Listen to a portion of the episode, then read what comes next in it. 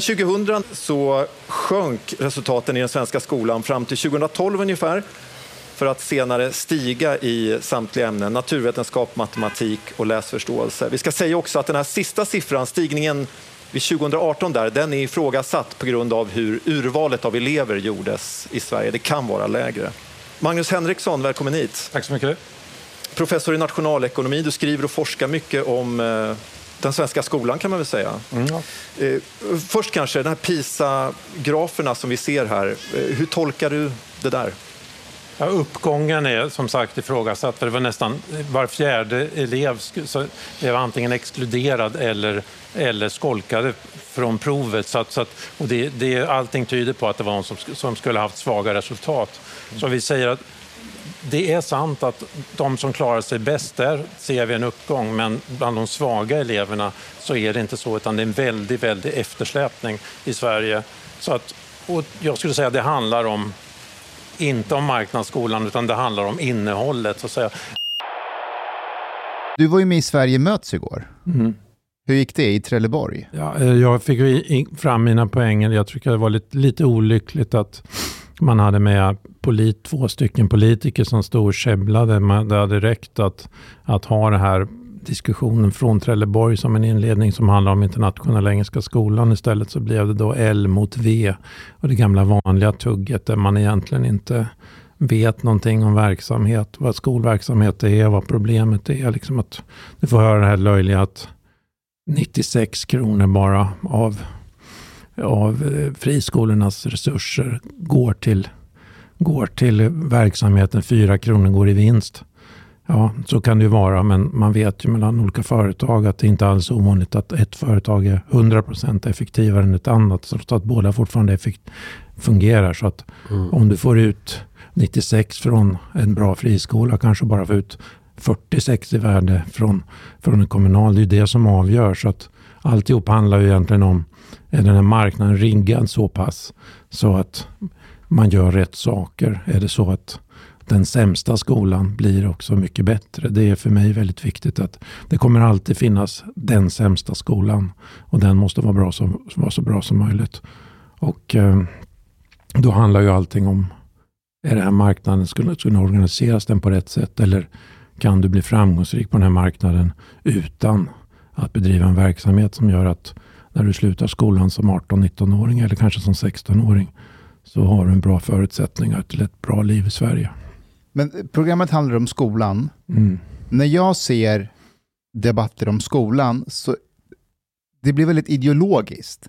Att du har vänstersidan som hatar all med vinst och så är det högersidan som bara vill prata om valmöjlighet, den fria viljan att välja skola. Va, va, vad tycker du missas i debatten om skolan? Ja, så, så det, det, är det fundamentala. Vi, vi går i skolan därför att det, det är det sätt vi kan lära oss saker på som vi inte lär, som vi inte lär oss ändå. Det, det är systematisk undervisning på olika saker som du för att fungera som en vuxen människa i det här komplexa samhället måste ha med dig. Annars så kan du inte navigera där eller, eller bidra till att bygga det här samhället i framtiden. Och då borde det handla om är det, lyckas vi med det? Gör vi rätt saker? Säger läro och kursplaner? Ger de rätt vägledning? Så även en dålig lärare kan göra ett så bra jobb som möjligt och bidra konkurrensen till att det här blir bättre eller sämre. Det skulle det handla om. Inte huruvida man tar ut fyra vinstkronor per hundring eller inte. Men kan det finnas en, en poäng i att ha vinsttak? Det, nej, det går inte. Alltså, skälet Antingen har du en logik där du har fria företag och då kan du, får du in resurser. Det, det, det har man liksom glömt bort att då finns det då privata aktörer som tror på det här. Då sätter de ju in resurser som annars inte skulle funnits. Det är ju samma med äldreomsorgen till exempel. att De här bolagen jobbar med ett fastighetsbolag, bygger om det för att sen kunna tjäna pengar. Men, men eh, många av dem kommer inte lyckas med det. Men det gör att det tillförs resurser. Men om det är icke vinstdrivande då, då, blir, då, då kan du inte få banklån utan det bygger på att du får en donation från början eller, eller så.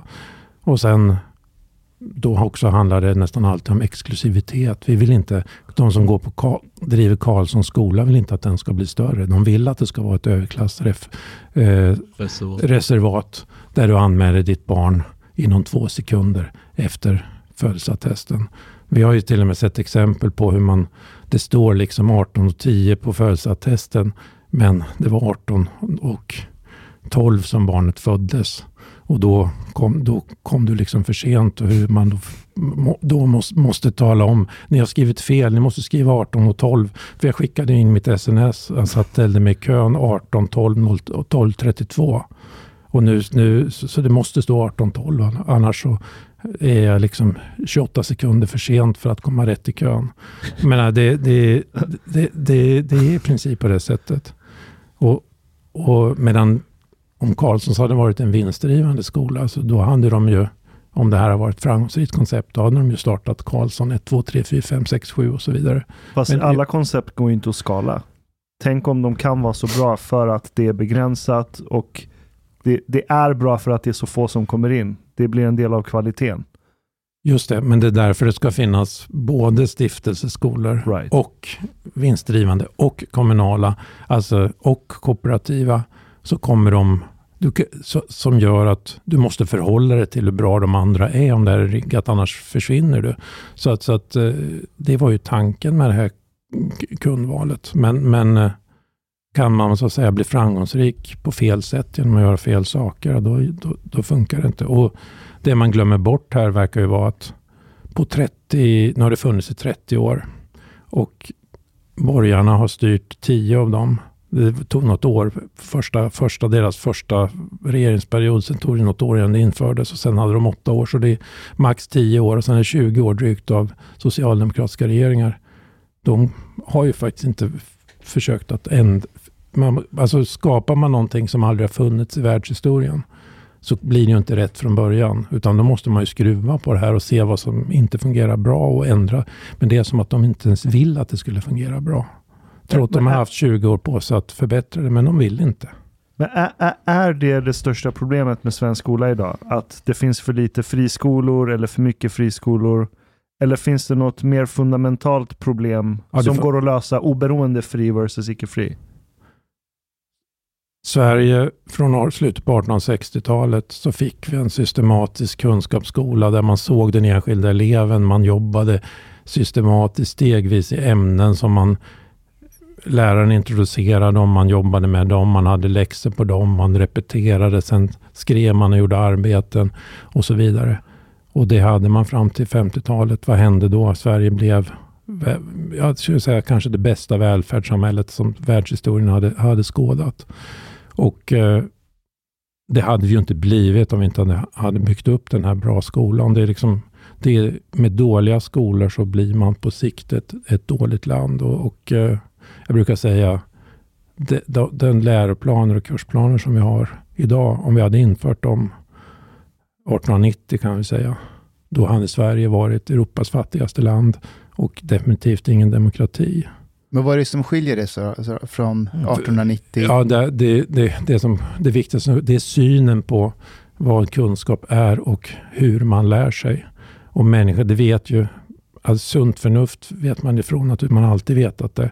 Men antropologer som har, vet ju att varför är människor som en art som kan ta över hela världen, forma den till någonting som är helt avviker från jägar-samlarsamhälle som vi växte upp i?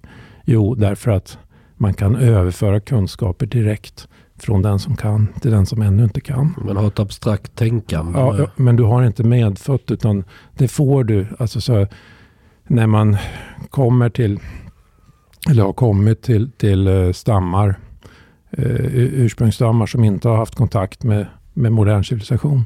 De kan ju ofta, de kommer i regel bara räkna till fyra de kan inte tänka abstrakt på det sättet, men däremot är de extremt kunniga på detaljer i sin egen närmiljö och allting sånt där. Utan det här är någonting som, man är inte biologiskt, utan det här måste man lära sig. Och man lär det sig tillräckligt snabbt från en bra lärare som har förväntningar. Men i läroplanen står det att du ska själv konstruera din egen kunskap och då kommer du, du, du kan jobba stenhårt, du hinner ingenting. Du kommer ingen vart, nästan. Jag upplever ibland att människor blir dummare nu.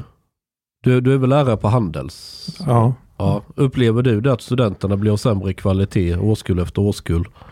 Det är ju många fler idag skulle jag säga som trots att de har toppbetyg inte behärskar skriva eller, eller analyt, tänka analytiskt utan skriva texter som man brukar säga, texter som svävar. Det är inte riktigt, de har inte riktigt deras egna tankar om de nu har några, har inte riktigt kontakt. Om de nu, om de nu har några. Har, ja, men det är ju, det är ju ett bekymmer att när jag, när, när jag började skriva våra första, upp, jag skrev mina första uppsatser, då var du tvungen att läsa på papper. Nu kan du göra cut and paste. Det är ju, det är ju väldigt bedrägligt. Okej, okay, nu hämtar jag där ett stycke så kastar jag in det. Och då kan du få det här att du får en uppsats där ett stycke som de har formulerat själva inte speciellt bra.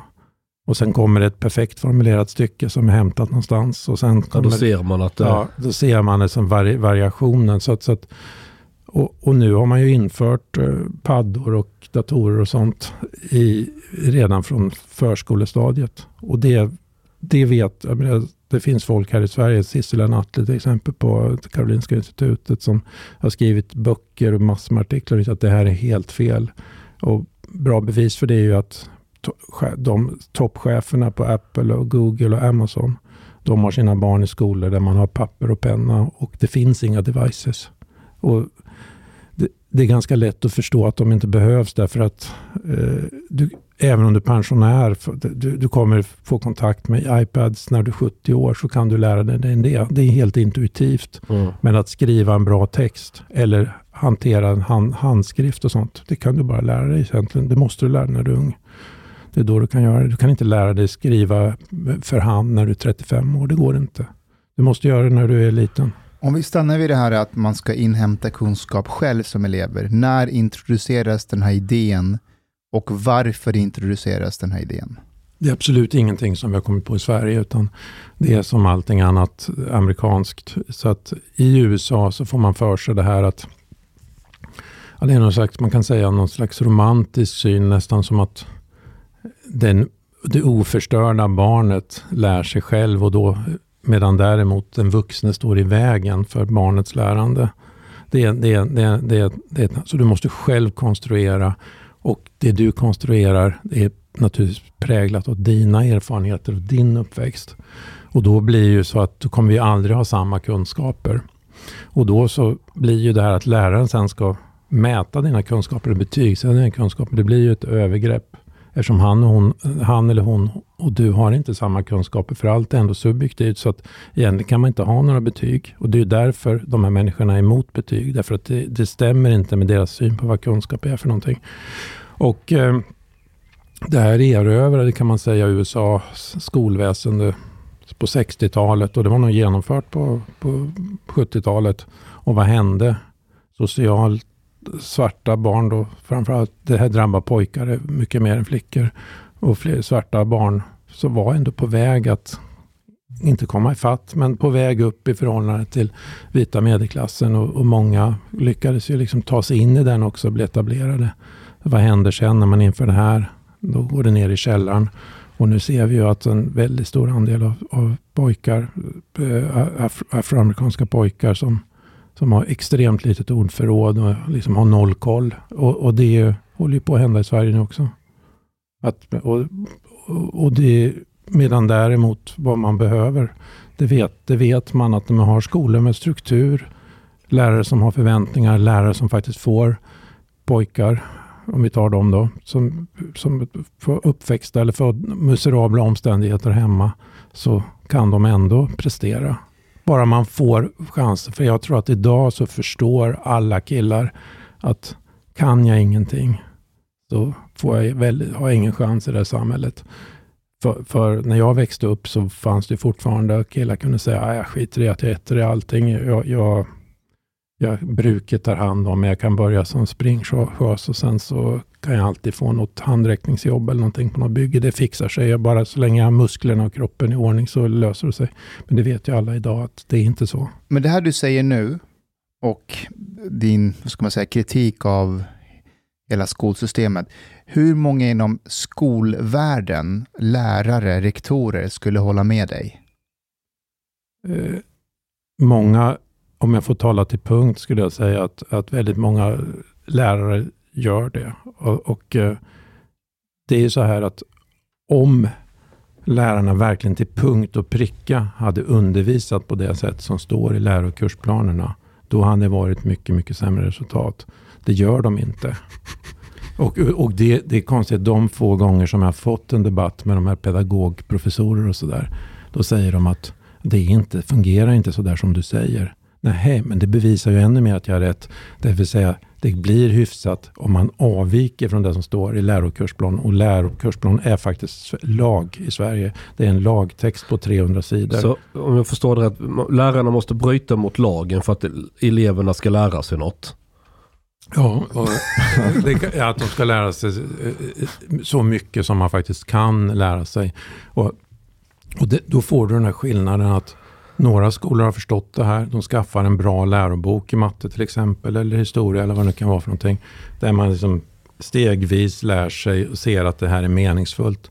En annan skola, oftast i ett, ett område där, där det är avfolkningsområde, där har alla iPads och sen har omöjliga uppgifter och ska själva göra. Vad blir det då? Det blir wiki, planlöst Wikipedia and Jag måste fråga dig, vad är en dålig respektive bra mattebok, historiebok, svensk bok, biologibok, geografibok?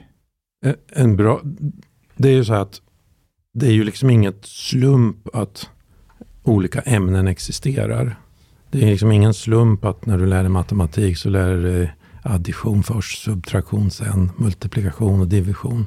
Och sen så bygger du på och sen börjar du göra algebra med bokstäver och manipulera och sen är det differentialkalkyl och så vidare.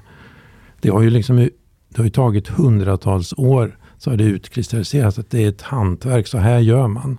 Och i en bra lärobok så har det här liksom lagts ner på ett, på ett systematiskt sätt.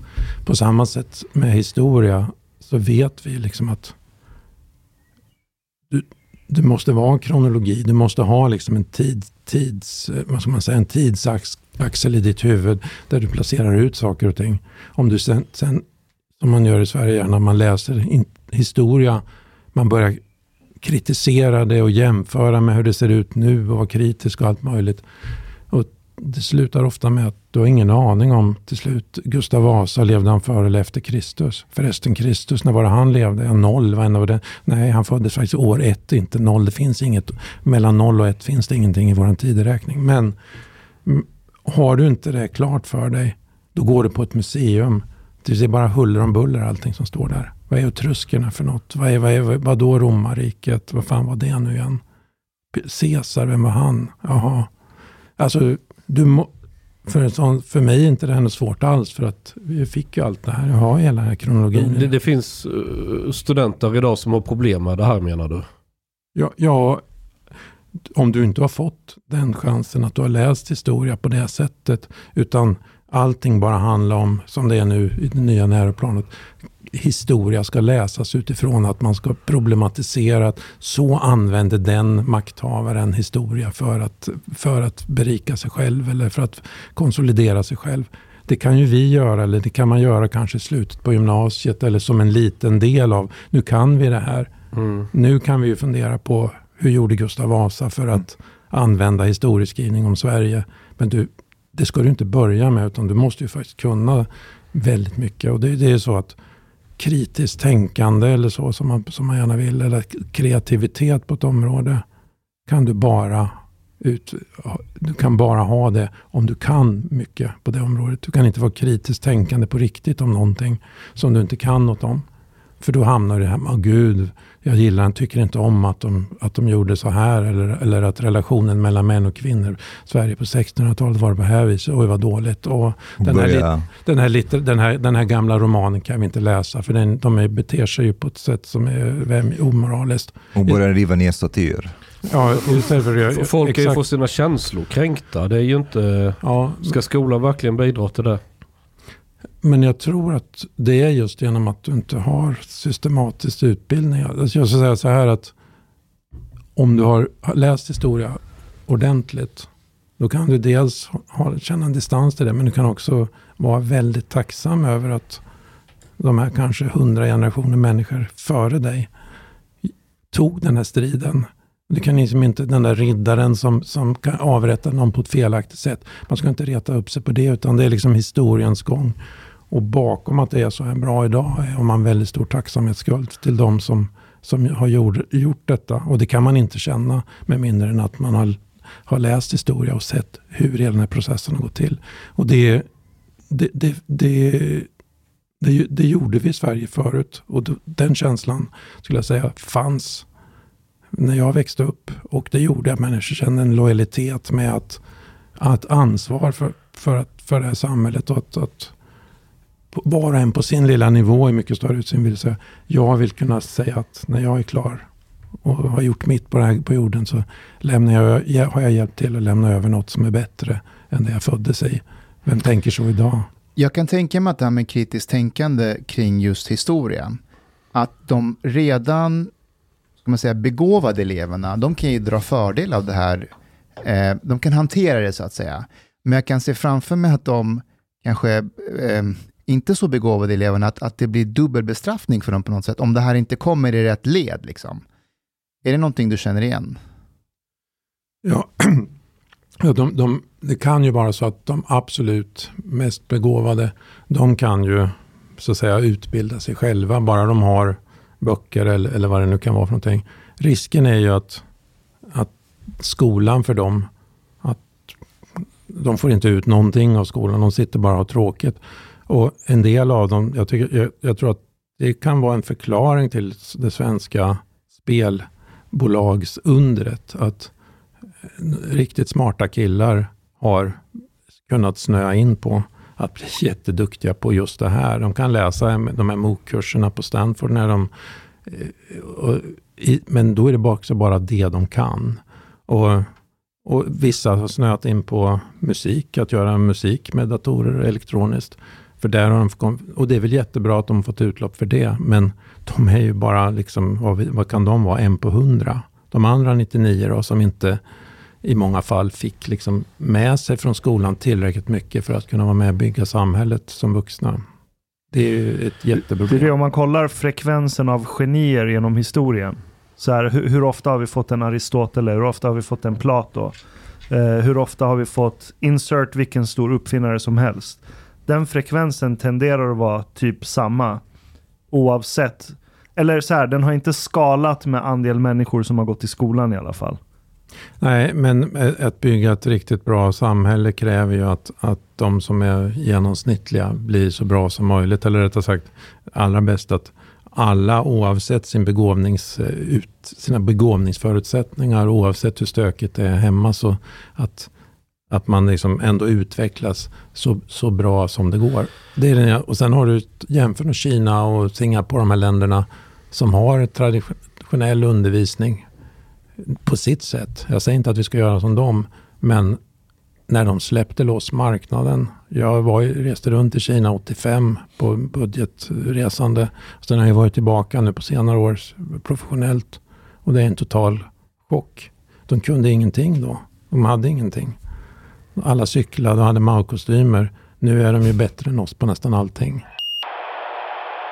Jag har en fundering. Eh, du, pratar, du tar upp det här med historielöshet. Mm. Idag såg jag att eh, Ingves varnar att räntan kan bli över drygt 4 procent.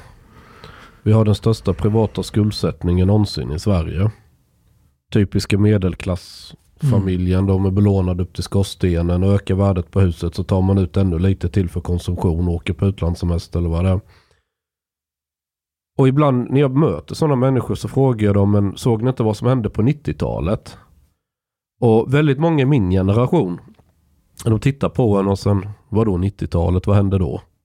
Alltså jag, jag köpte en, vi, vi, vi, köpte en villa i Mälarhöjden faktiskt 1993.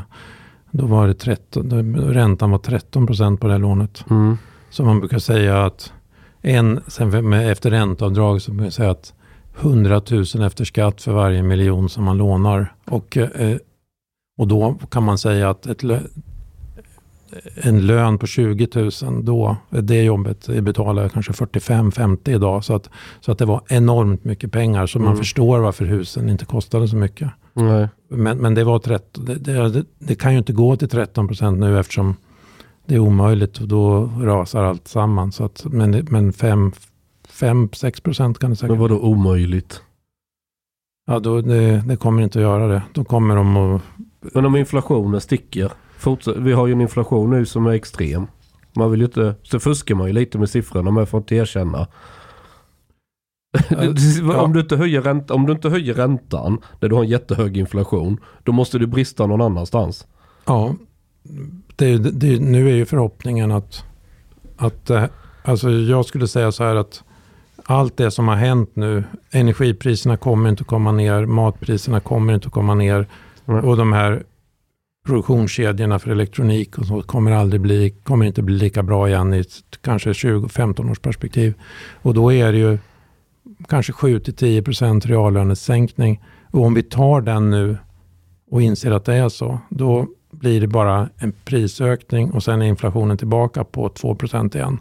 Men om alla försöker jaga och ha kompensation för det som inte går att få kompensation för, då får vi ju att det här bara fortsätter. Om du då höjer räntan för att få bort det, då kommer du få en sån här arbetslöshetsperiod som man fick framförallt faktiskt i västvärlden början på 80-talet. Ronald Reagan utrotade inflationen och då var korta räntorna 21 procent eh, sommaren 81 i USA. 21 procent. Och, sen, så att, så, och, och då fick så, man ju bort inflationen men det, det var en enorm utslagning för Så an, antingen så måste vi acceptera ett betydligt ökat klassamhälle för det är väl det vi får när, när vi, reallönerna sänks. Men det kommer drabba, alltså det, reallönerna sänks men de som är rika kommer också Många av de som är rika, som är belånat rika, kommer ju för att värdena, värdena på aktier och värdena på fastigheter kommer gå ner och, eh, kommer de, bli mindre rik? Ja, en del kommer ju bli ruinerade. Men alltså, är du rik om du är belånad? Du är ju, om, om du har ett fastigheter som är värda 2 miljarder och en miljard i, i lån. Då, då, då, har du en miljard i förmögenhet. Men om fastigheterna går ner till en, då är du helt plötsligt plus minus, noll. Plus minus noll. Och går de ner till 900, då är det minus 100 miljoner. Och då kommer banken att ta fastigheterna från dig och då är du ruinerad. Och då är det många som hoppar från, från en hög höjd eller gör något annat. Vänta, du säger 50 till, 15 till 20 års perspektiv nämnde du i förbifarten. Var det bara elektronik, logistikkedjorna du syftade på? Ja, det är ju, det är ju, svårt, att, det är ju ja. svårt att veta, men, men alltså, det finns ju en rörelse nu när man har förstått att det går inte. Man trodde liksom att hela världen har liksom, alla egentligen bara är intresserade av att tjäna pengar. Men när du har stater som använder, jobbar strategiskt med tillgångar som vill, som Kina till exempel, lägger beslag på vissa mineraltillgångar som man måste använda till halvledare eller se till att vissa saker bara tillverkas där så resten av världen blir beroende av det här. Och då när de väl har blivit så, så, så använder man det som ett maktmedel. Då enda sättet resten av världen kan göra är att göra sig mindre beroende av det här och då måste man bygga upp sin egen produktionskapacitet och då har man inte det här strömlinjeformade längre. Mm. Och till slut kommer det väl funka ganska bra men, men det kommer ta lång, det tar väldigt lång tid att bygga upp sånt. Det behövs substitut så att ja, säga. Ja. För, jag menar att, att det tog ju 30 år att få den här strömlinjeformade kedjan för Apple och de har. Det, mm. det kom ju inte liksom på två år bara för att det var billigt i Kina. Det var en grej du sa som jag inte kan släppa riktigt. Det, det, det, det stör mig. In, in, inte att det du säger är fel, utan tanken stör mig. Du sa att om vi inte hade byggt det här skolsystemet som vi gjorde på var det, 1860, mm så hade inte Sverige varit en demokrati. Alltså vi, vi, nej, vi ser, vi, alltså att vara demokratiskt sinnad, att, att det inte går... Jag säger så här, att vad handlar politik om? Det handlar om att sälja in olika teorier om vad som gör världen bra för dig. Den ena är en marxistisk teori, ultraliberal teori, mittemellan-teorin. Och eh, om människor inte kan någonting, vad är det som, då, kan ju, då kan ju Mugabe sälja in sitt eller Saddam Hussein kan sälja in sin vision och folk köper det. Sen måste en, eh, värsta diktatorn måste ändå på något sätt, ett, han måste, eh, måste betala ett antal personer nära sig som, som tjänar på det här. Men folket måste, det får inte bli hur dåligt som helst för folket för då åker han ändå. Så, så Putin överlever inte eh, eh, en svältvinter i, i, i Ryssland. På samma sätt Mugabe överlevde inte liksom, hur, vilket van, vanstyre som helst. Nordkorea då? Ja, Nord, det är det extrema exemplet där, där det är obegripligt. Det är, det är, svårt att förstå hur det går till, men på något sätt så, så, så har man lyckats. Men, men äh, även Kina, liksom att man, man öppnade upp. Men nu har man ju det här konstiga med att, att det går med modern teknik. Det är ju något helt nytt. Att faktiskt ha 700 miljoner kameror, eller vad man är uppe i. Och inte bara ha kamerorna och fotograferar, utan de klarar också av att informationen från kamerorna används på bråkdels av en sekund för att styra dig så att du inte går, över, går mot röd gubbe till exempel. Så att i, i, i Shanghai så är det så att går en Shanghai-medborgare mot röd gubbe så tar det bara någon sekund. De har sett vem du är, de har gått in i databasen, identifierat dig och sen står det på en skärm, Li Pew eller vad han heter. Du går nu mot röd gubbe och förlorar så här många poäng ungefär. I Social ditt, credit score. Ja, i mm. ditt credit. Svårt att ha shotas där. Ja, men jämför det, alltså denna tekniska förmågan att bygga det här systemet. Titta på svenska polisen, kan, vad de klarar, klarar liksom inte, var de ligger på teknik. Tänk vad Morgan Johansson hade kunnat göra med det systemet i Sverige.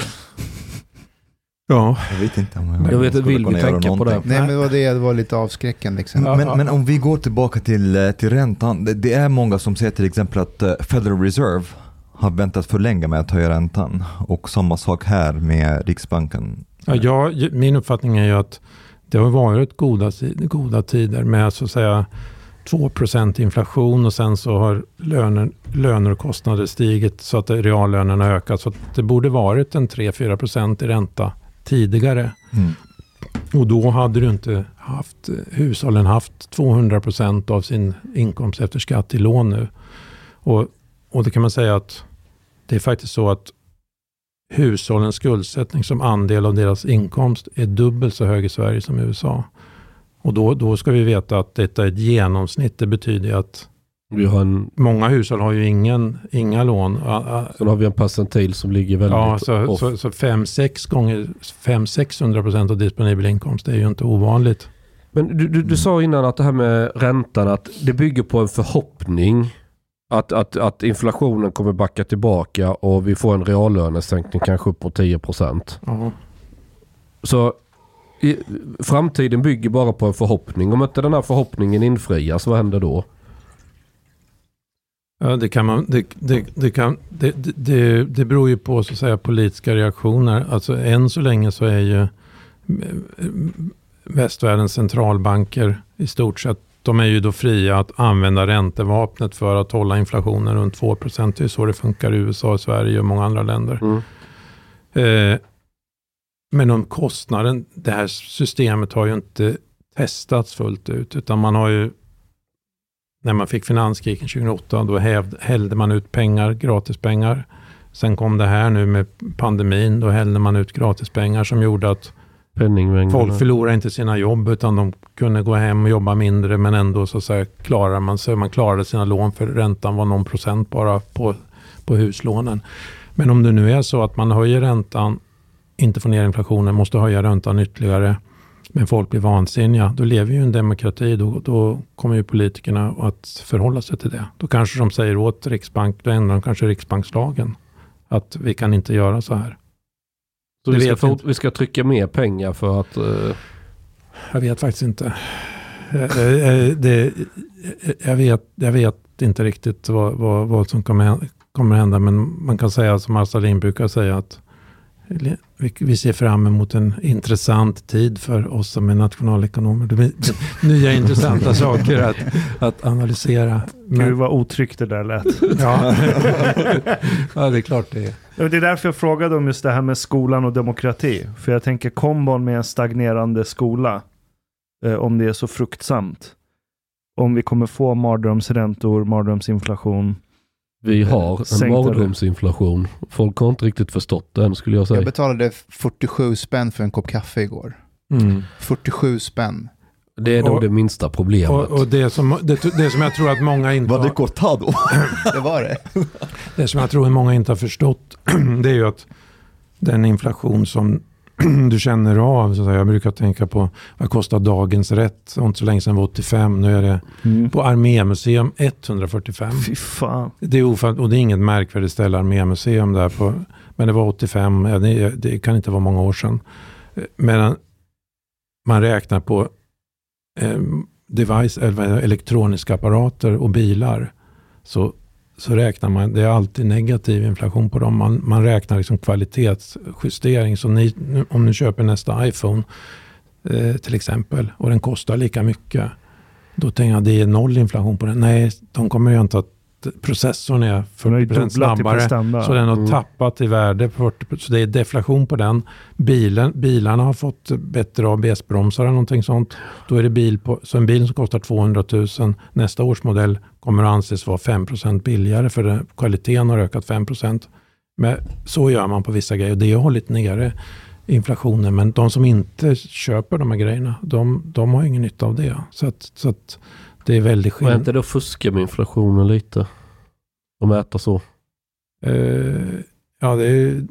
Det, du, du, alla det, länder... det är väl lite marxistiskt, man kollar produktiviteten. Alltså bilen, den här bilen är något lite mer, vad ska man säga, någon slags tänk och produktivitetsvärde eller vad var det man kallade det? Jo men det, jo, men det är ju att om du, om du jämför två, två bilar du köpte en, den kostade 500, samma, samma bil kan man säga, sam, den heter samma.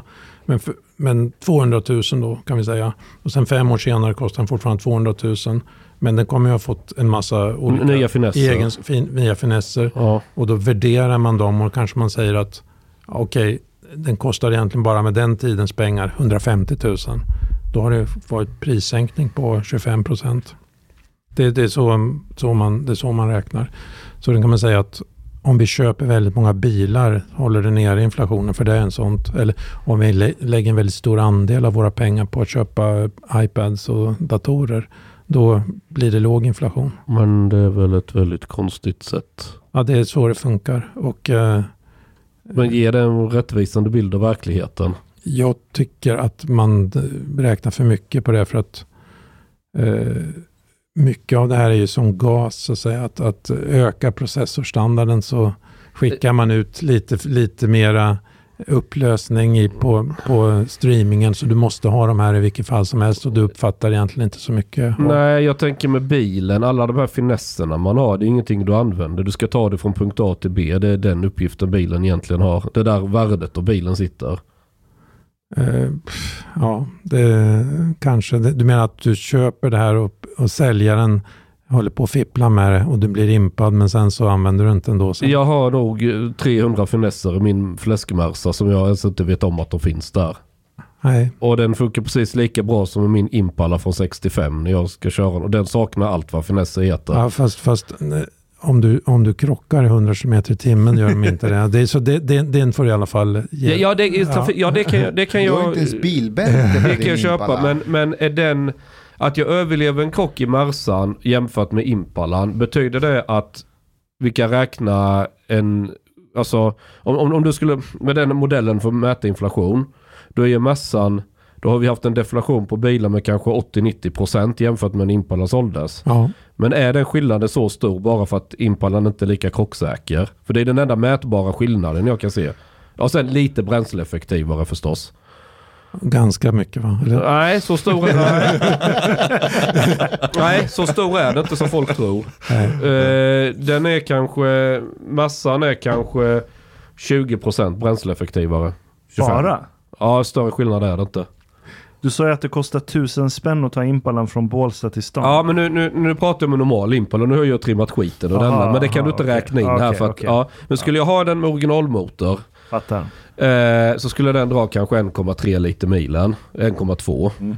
Ja, medan massan ligger på 0,9. Båda väger ungefär lika mycket. Alltså bränsleeffektiviteten på förbränningsmotorer på 50 år har kanske blivit 10-15% bättre. Mycket mer än så är det inte. Kanske upp mot 20 om du... Men då är det inte motorn. Då är det resten av bilen också man har jobbat med. Men, men, det som kanske för de flesta människor är, är, en större grej, det är ju att det här att priset på bostaden, att har, köpa en bostad, mm. har gått upp så mycket. Det är ju ändå så att jag, jag, gjorde en beräkning 2017 så hade jag faktiskt ett föredrag på Nationalekonomiska föreningen, det var på Handelshögskolan, så att jag räknade ut en, en 40 kvadrats lägenhet i Vasastan då. Och så jämför jag priset då, 2017, med 1994. Och sen så finns det serie på industriarbetarlönen, genomsnittlig industriarbetarlön. Och sen tog jag liksom efter skatt. Då var det 1994 fyra industriarbet årslöner för industriarbetare. Mm. Men 2017 var det 16 årslöner. Så att om du jobbade i 32 år om så orkade så kunde du köpa kontant och inte använde pengarna till någonting så kunde du köpa 80 kvadrat på allt, all lön du hade på 32 år. Mm. Eh, Okej, okay. men samtidigt är det så här att om du lånefinansierade alltihopa så var det ändå mycket billigare per månad 2017 än vad det var 1994. För du kunde liksom låna, om du lånade alla de här pengarna så var det som ränta efter skatt, efter ränteavdrag bara någon procent. Medan med 94 så var det efter skatt 9-10 procent. Och då, då räknar inflationsmässigt som om det är billigare. Eh, som det är billigare 2017 eftersom, eftersom räntekostnaden och så har gått ner. Men nu kommer ju det gå i motsatt riktning. Nu, nu kommer boendekostnaden på riktigt att öka för då räknas det som räntekostnad. Men där har du ju ett inbyggt problem ju. Det är ett ja. cirkelresonemang därför att du, du, du, du räknar inflationen på en siffra som beror på inflationen. Räntan beror ju på inflationen. Ja, kan man säga. Ja, så, så när du mäter inflation så utgår du ifrån ett ränteläge som möjliggör det här billiga boendet. Alltså du kan låna jättemycket fast med jättelåg ränta. Det, det, det är ju som att bygga en finansiell bomb ju, och räkna ja, på det sättet. Men det är ju därför det är så farligt med att du bygger upp väldigt stora skulder som backas upp då av tillgångar som är högt värderade på grund av att räntan är låg. Och, och, stiger räntan, då stiger dina räntor, men också den säkerhet du har i form av ett hus eller aktier eller vad det är för någonting faller i värde så du får liksom dubbeleffekt. Ja, för att rent matematiskt blir extremt volatilt. En ränteökning får ju mycket större effekt i de här kalkylerna än vad det först ser ut att bli ju. Därför att om, boende, om, om du styr inflationen från boendekostnaden. Ja. Alltså du räknar inflation och så tittar du på boendekostnad och så, ränta, och så höjer du räntan lite. Men du ökar boendekostnad, då accelererar inflationen också. Mm. Och, då, och då måste du höja ännu mer och så blir det självförstärkande effekt. Ja, därför är förhoppningen att Förhoppningen. Att, att en ganska en modest höjning som inte... Men, men vänta lite, men, kolla, jag är ingen nationalekonom på något sätt. Men Nej, det är du inte. Idiot, men Käften Mustafa. En idiot som jag fattar ju att det här, det här, är, det här är ju väldigt, så här kan du inte räkna. Det, det är livsfarligt att räkna. Har det inte funnits någon kritik mot att... Jo då, det finns det. Men de som, det, det blir ju väldigt ofta så i olika branscher att de som verkligen håller på med penningpolitik det finns alltså 75 stycken med doktorsexamen på, på, i nationalekonomi från fina universitet och fina avhandlingar som jobbar på Riksbanken i Sverige. 75 stycken minst. Ja. Det var 75 sist jag räknade flera år sedan. Och de har ju som samma, i stort sett samma modell i sin skalle. Och eh, ofta, det kan mycket väl vara så att den kommer från, från något ställe som utvecklades intellektuellt i MIT eller Harvard eller någonting. Som sen sprider sig över världen. Och så har det fungerat i 30 år men sen så... Så smäller det. Sen, sen kanske inte fungerar. Men det, så, så kan det mycket väl bli. Och då kommer då är det som någon som har sparkat sönder myrstacken. Och sen så får man jobba och bygga upp myrstacken igen. Det, det kan mycket väl bli så. Men, försöker man inte liksom hitta de här problem, problemen innan det smäller? Ja, men det här liknar ju, det här liknar ju på samma sätt att eh, jag kan ju inte nå fram, om du tar på skolområdet det vi pratade om innan. Där är ju alltså 200, över 200 professorer i, i, i pedagogik eller utbildningsvetenskap som de kallar sig för. Som undervisar alla blivande lärare i det här andra syn, det synsättet som slår ut framförallt killar från, in, från hem med, med lågutbildade och de bara fortsätter att säga att medicinen är rätt, men den, är för lite, man får för lite. Man måste få mer av den här rätt korrekta medicin. Ska trycka ännu mer pengar. Trycka ännu Kvantitativ ja, vising. Och, och, de, och, jo, men alltså de här pedagogerna äger ju de äger, de äger den här kommandohöjden. De har alla deras, deras adepter som, har, som de har doktorerat för dem äger Skolverket, äger Skolinspektionen, äger utbildning, eh, Utbildningsdepartementets egen utredningsavdelning. Och då är det jättesvårt att komma åt det. Det är liksom precis likadant. Och det var väl antagligen så under en period att svenska försvaret ägdes av någon som sa att nu har muren fallit, nu finns det ingenting att frukta längre, vi behöver inget försvar. Och, och det, den som sa någonting annat var en tråkig dysterkvist och det förstår ni väl att ryssar är som vi, de kommer inte tänka i några nationella termer att de Storryssland utan de kommer alltid och nu bara vilja tjäna pengar. De kommer pengar. aldrig sakna Sovjet Nej, nej, de kommer, nej, inte. Och, och, och, nu helt plötsligt så har man vaknat upp och insett att det var inte så, men det tog en jäkla tid. Du kan dra samma, samma parallell till socialtjänsten, alltså att det finns ett sätt att se på världen där, alla som jobbar där, det sitter i väggarna. Mm. Och att du vet, man kan sitta och prata sig hes om problemen där, men när det sitter så djupt hos medarbetarna, hos cheferna, hela institutionen, då är det jättesvårt att komma åt det. Alltså man kan, politikern säga att vi ska omhänderta fler barn och placera dem hos familjer och så här. Ja, men om inte medarbetarna själva tror på den idén och tycker att det är för hårt. Det är väldigt trendkänsligt mm. här. Alltså det är, det är straffet för att inte vara hipp och med i svängen är jävligt brutal. För jag kommer ihåg Eh, det var en period när hela Sverige höll på med, och nu är jag citattecken i luften, digitalisering. Alla skulle hålla på med digitalisering. Och jag föreläste på alla de här konferenserna, på alla de här mötena. Och mycket av det var i skolan, som var helt besatt av att nu ska vi digitalisera skolan. Och jag kommer ihåg vad uppfattningen där, det var att så här, ja, vi kommer från en historia med papper och penna, men nu har vi iPads och tangentbord. Så det är ju helt onödigt att behöva skriva för hand. För att nu kan du göra det på datorn och stavning, det är ju ganska onödigt för du har stavningskontroll. Eh, och så kom hela den här hetsen med att man skulle ha iPads och iPhones och laptops i skolan. Oh. Men vad de inte fattar, det är att det är som den här stammen du berättade om. Att de kan räkna typ till fyra. Oh. Och, och, vi vet ju att om du inte lär dig att prata ett verbalt språk innan du är typ sju, så kommer du aldrig kunna lära dig språk. Nej. Ever. Eh, och Det verkar som att det finns ett fönster av plasticitet där din hjärna hinner absorbera något sånt här som ja, men, räkna, skriva, läsa. Eh, och, och det är att om du inte lär dig ett fonetiskt alfabet ordentligt innan du är typ, säg 7-8, så kommer du inte lära dig att tänka abstrakt. Och det går du miste om. Nej, nej. Det... Totalt.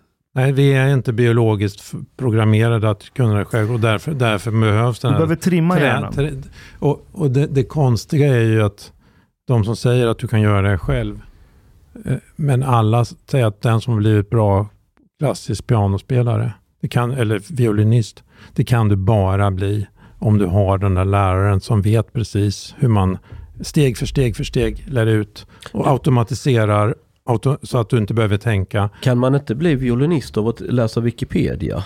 Nej, jag tror inte det. Va? Vem kunde ana? Men, men du, du, alltså du, du kan säga så att, för att ta något väldigt simpelt, att hoppa över en ribba.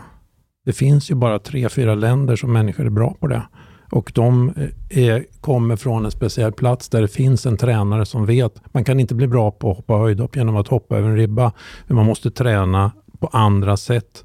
För om man hoppar, hoppar, hoppar så kommer man skada sig och gå sönder. Eller trestegshopp går ännu mindre. Du kan inte bli bra trestegshoppare genom att hoppa tre steg. du måste jobba. Och det är bara på några få platser i världen man vet hur man lär ut detta. Och det måste göras på ett, på ett speci väldigt speciellt sätt. Och, och, och, Det är klart att det är likadant med allting som man ska bli bra på. Som inte vi har bara biologiskt självklart medfött med att bara, bara lära oss. Och, och, och det här är så konstigt och den här dumma idéer överhuvudtaget har fått sånt genomslag. Det, det, det, det, det är det vi måste kämpa emot. Och alla förstår det när man, om jag får prata till punkt så där så, så ja just det, det har du rätt i, det stämmer. Ja, just det, Patrik Sjöberg, varför blev han, slog han världsrekord i höjdhopp? Jo, därför att han råkade få en styvpappa som visste hur man gjorde någon person till världens bästa höjdhoppare. Sen var han, sen var han inte snäll på andra sätt har det visat sig, men det, det är liksom det har inte med det här att göra just nu. Men, det jag inte fattar hur så många kunde missa, alltså just med läs och skrivkunnighet i det här landet, det är att ja, men nu kommer iPads och datorer, så framtidens barn, det är de här sakerna de måste lära sig för att kunna klara sig. Och då tänkte jag att men alla de människorna som uppfann hela den här internetrevolutionen, alla Bill Gates och Steve Jobs, de blev ju skolade i en skola med papper och penna. Ja. Så bevisligen behöver du inte iPads i skolan för att kunna bli en Steve Jobs. Nej, han gick ju till och med kalligrafikurs och då var man verkligen tränat sig med, med, med händerna. Så att, så att, han, han använde inte ens deodorant. Han, han, var knappt en del av civilisationen. Men han lärde sig läsa och skriva. Jag kan känna att jag identifierar mig med Jobs här. ja. När vi tittar på Riksbanken och alla de här, man ska mäta inflation och försöka få en övergripande bild av vart ekonomin på väg och vad kan vänta runt hörnet så tänker de alla ungefär likadant. Och som, som jag sa, det här med inflationsmåttet är extremt volatilt eftersom den pekar tillbaka på sig själv. Det vill säga, gör du en justering så kommer den bli självförstärkande. Och det är ingen kritik mot det, man har inte velat tänka på annat sätt. Då har man ju med en skock finansiella idioter att göra. Alltså, 2008 när det small, det var ju massa människor som förstod att det skulle smälla. Men ingen ville lyssna på dem.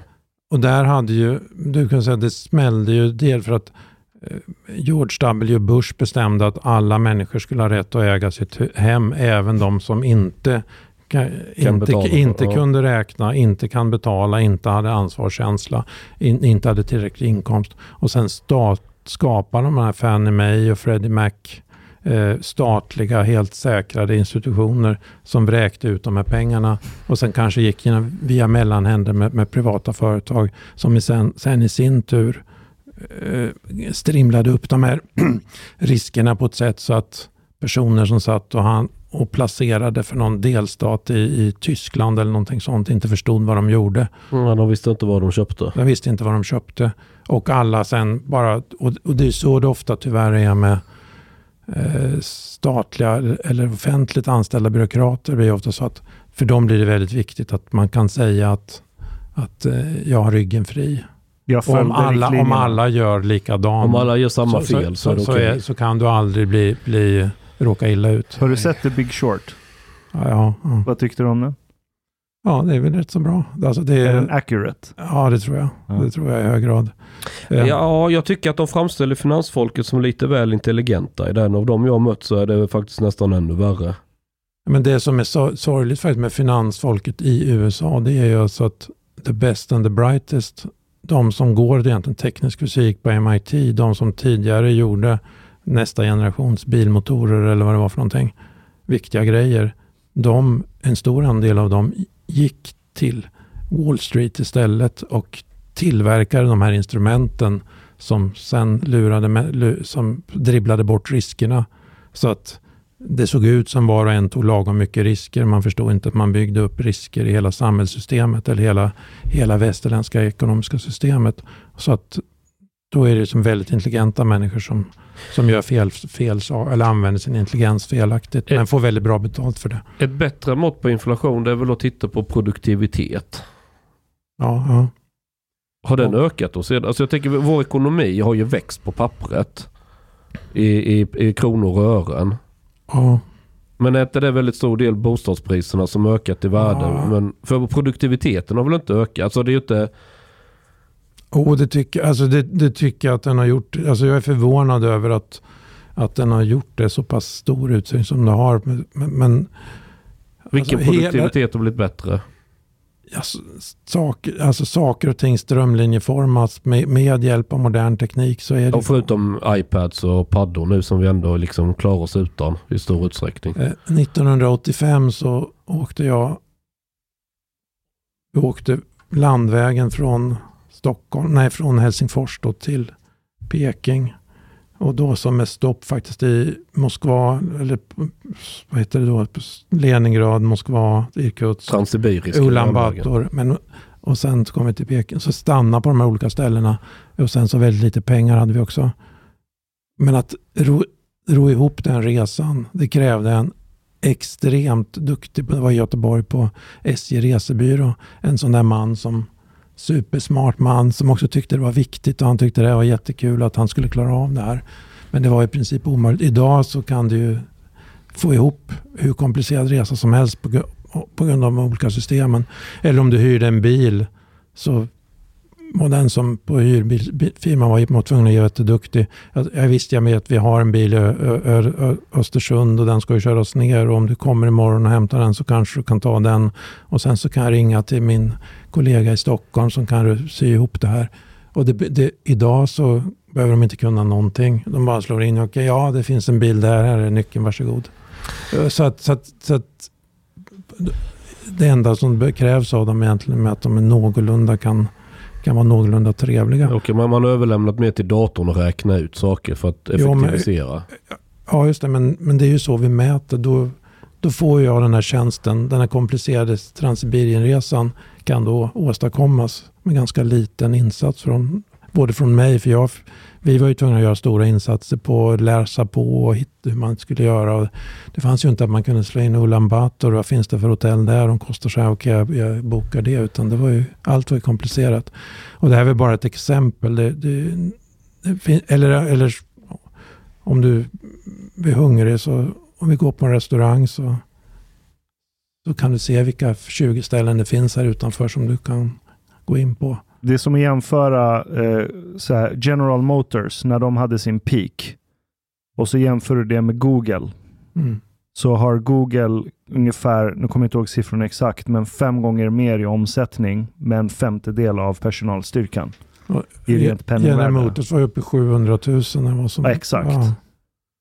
Så, så, så, så, men sen kan du, du tycka att det här, du känt rent subjektivt så tycker inte du det här är så värdefullt. Men, men det är det, är just, det får ju stå för men det är så här, det är ju liksom konventioner hur man mäter jag, värdet. Jag förstår att, där förstår jag helt poängen med ökad produktivitet. Arbetsinsatsen blir mycket mindre för att ta mm. de här besluten. Vilken biljetter ska vi ha? Allting för att optimera vår resa. Man, det är ju någonstans kvalitet kontra kostnad. Man vill hitta en medelväg.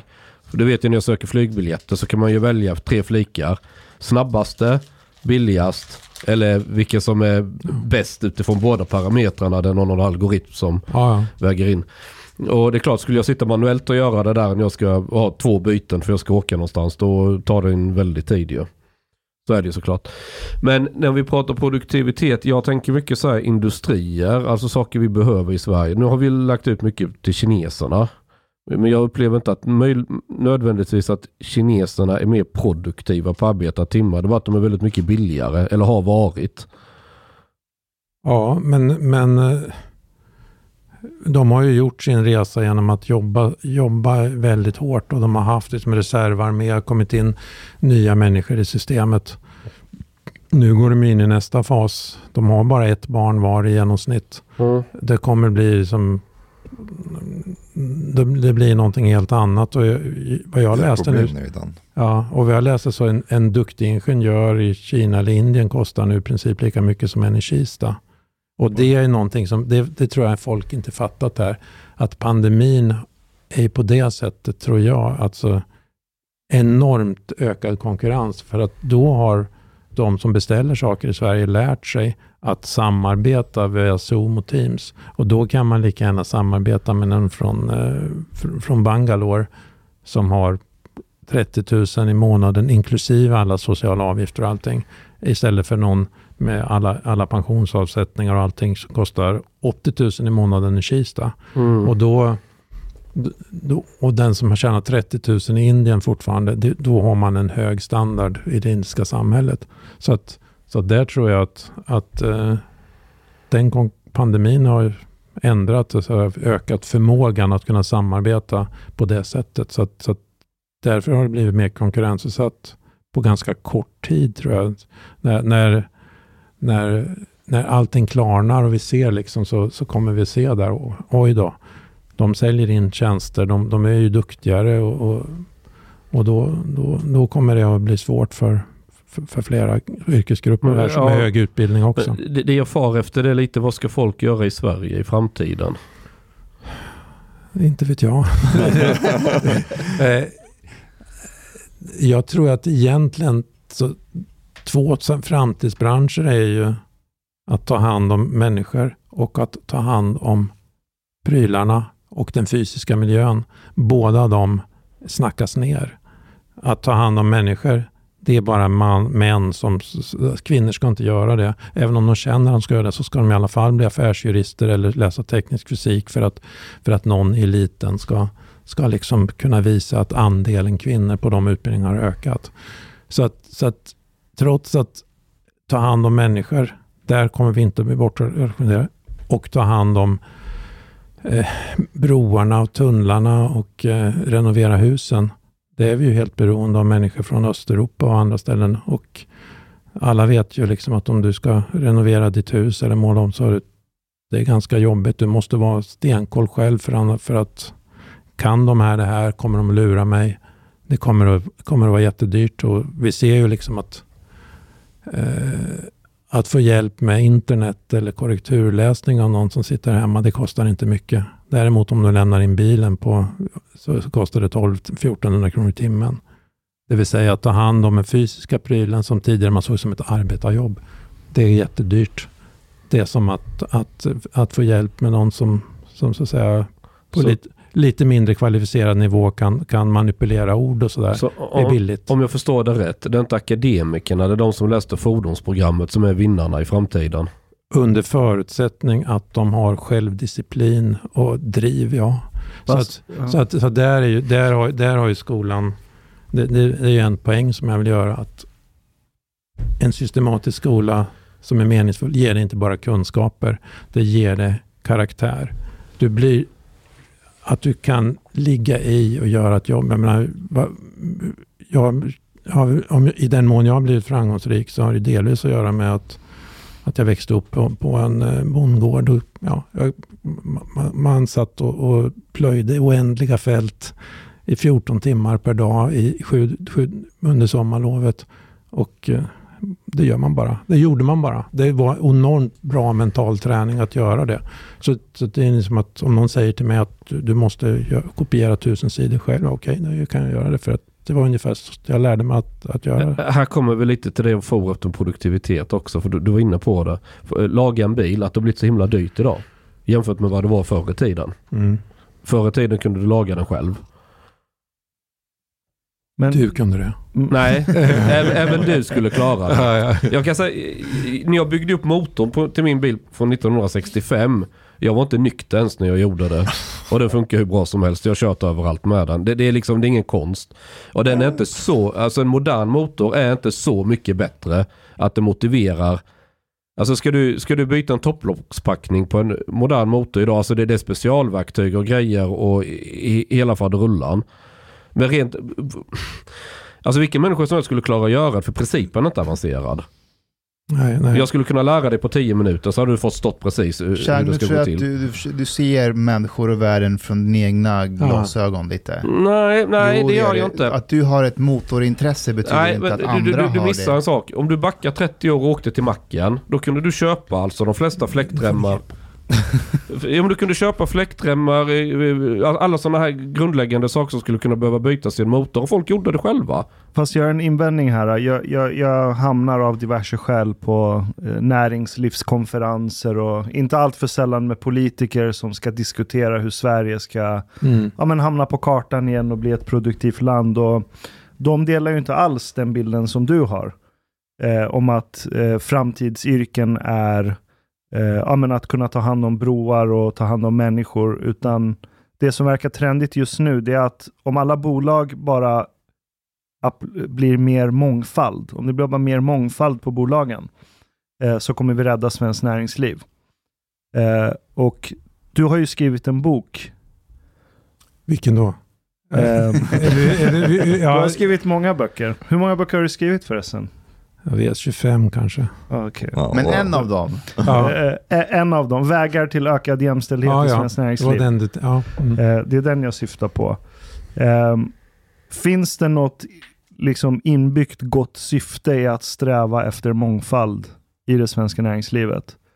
Och vilka parametrar ska vi titta på när det gäller mångfald? Finns det något vetenskapligt belägg för det överhuvudtaget?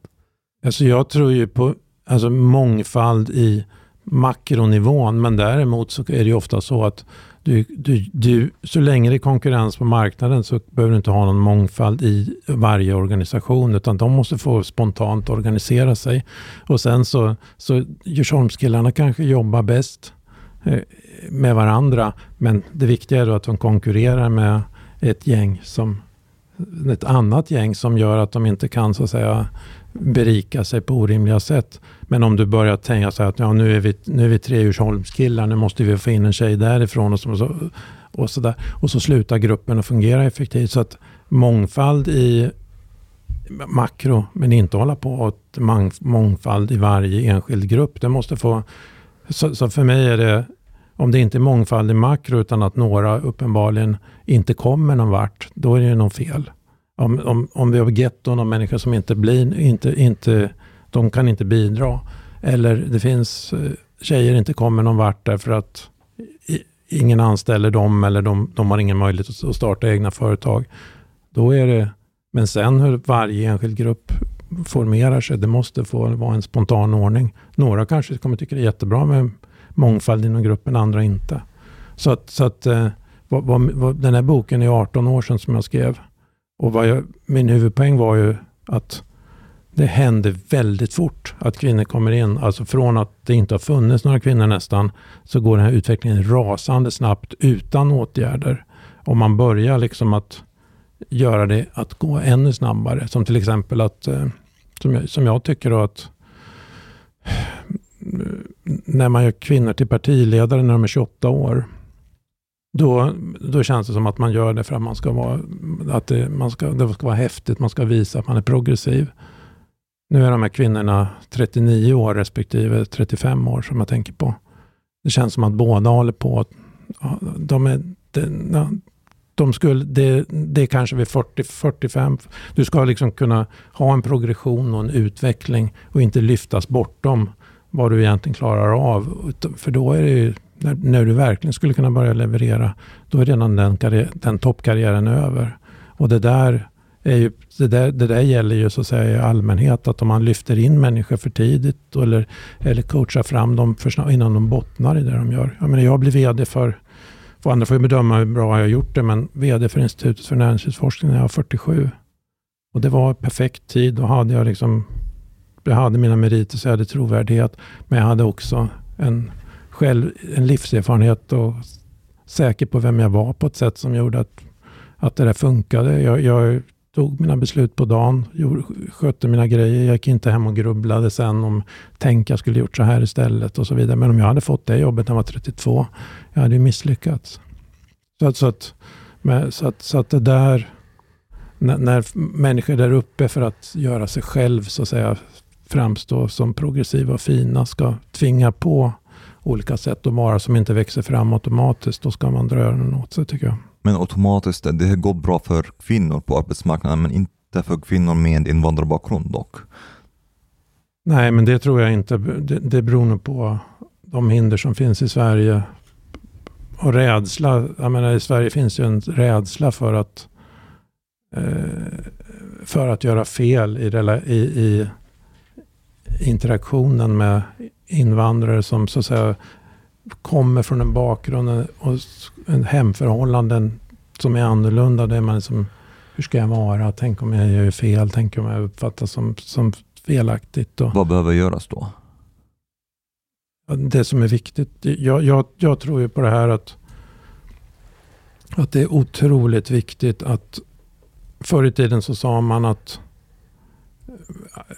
gamla människor när jag växte upp, de sa så här att ja, jag har i alla fall, även hur de än har haft och slitit, så, så var det väldigt viktigt för dem att jag har inte legat någon till last. Jag har ingen att, jag har kunnat, tacksamhetsskulden är avbetalad. Och eh, därför, kan, därför måste man, liksom, när människor kommer in, få chansen. De måste få chansen att inte komma i så stor tacksamhetsskuld. Och, och och, och, det verkar liksom, svenska majoritetssamhället verkar liksom psykologiskt ha glömt bort det här. Alltså det, för mig var det liksom helt själv, självklart, mina föräldrar, det var otroligt noga att om man blir bjuden på någon så, av någon så var man tvungen att bjuda tillbaka för att, så att säga, jämna ut det här eller vad det nu handlade om för någonting. Och om man, var, om man hade lånat pengar av någon så var det väldigt viktigt. Typ, annars, så, men, annars uppstår det en ojämlikhet i förhållandet. Och här, här, här tycker jag att vi fallerar i Sverige. Att, att, att, att människor hamnar i den här tacksamhetsskulden och till slut så har man så stor tacksamhetsskuld man kan aldrig betala tillbaka den. Och då det, då vänder du dig emot samhället och det blir svårt. Men är det inte lite kulturellt dock? Det, när jag tänker på det, det, jag tror att folk med många med invandrarbakgrund har den tacksamhetsskulden mm. Eh, gentemot individer, men inte gentemot staten.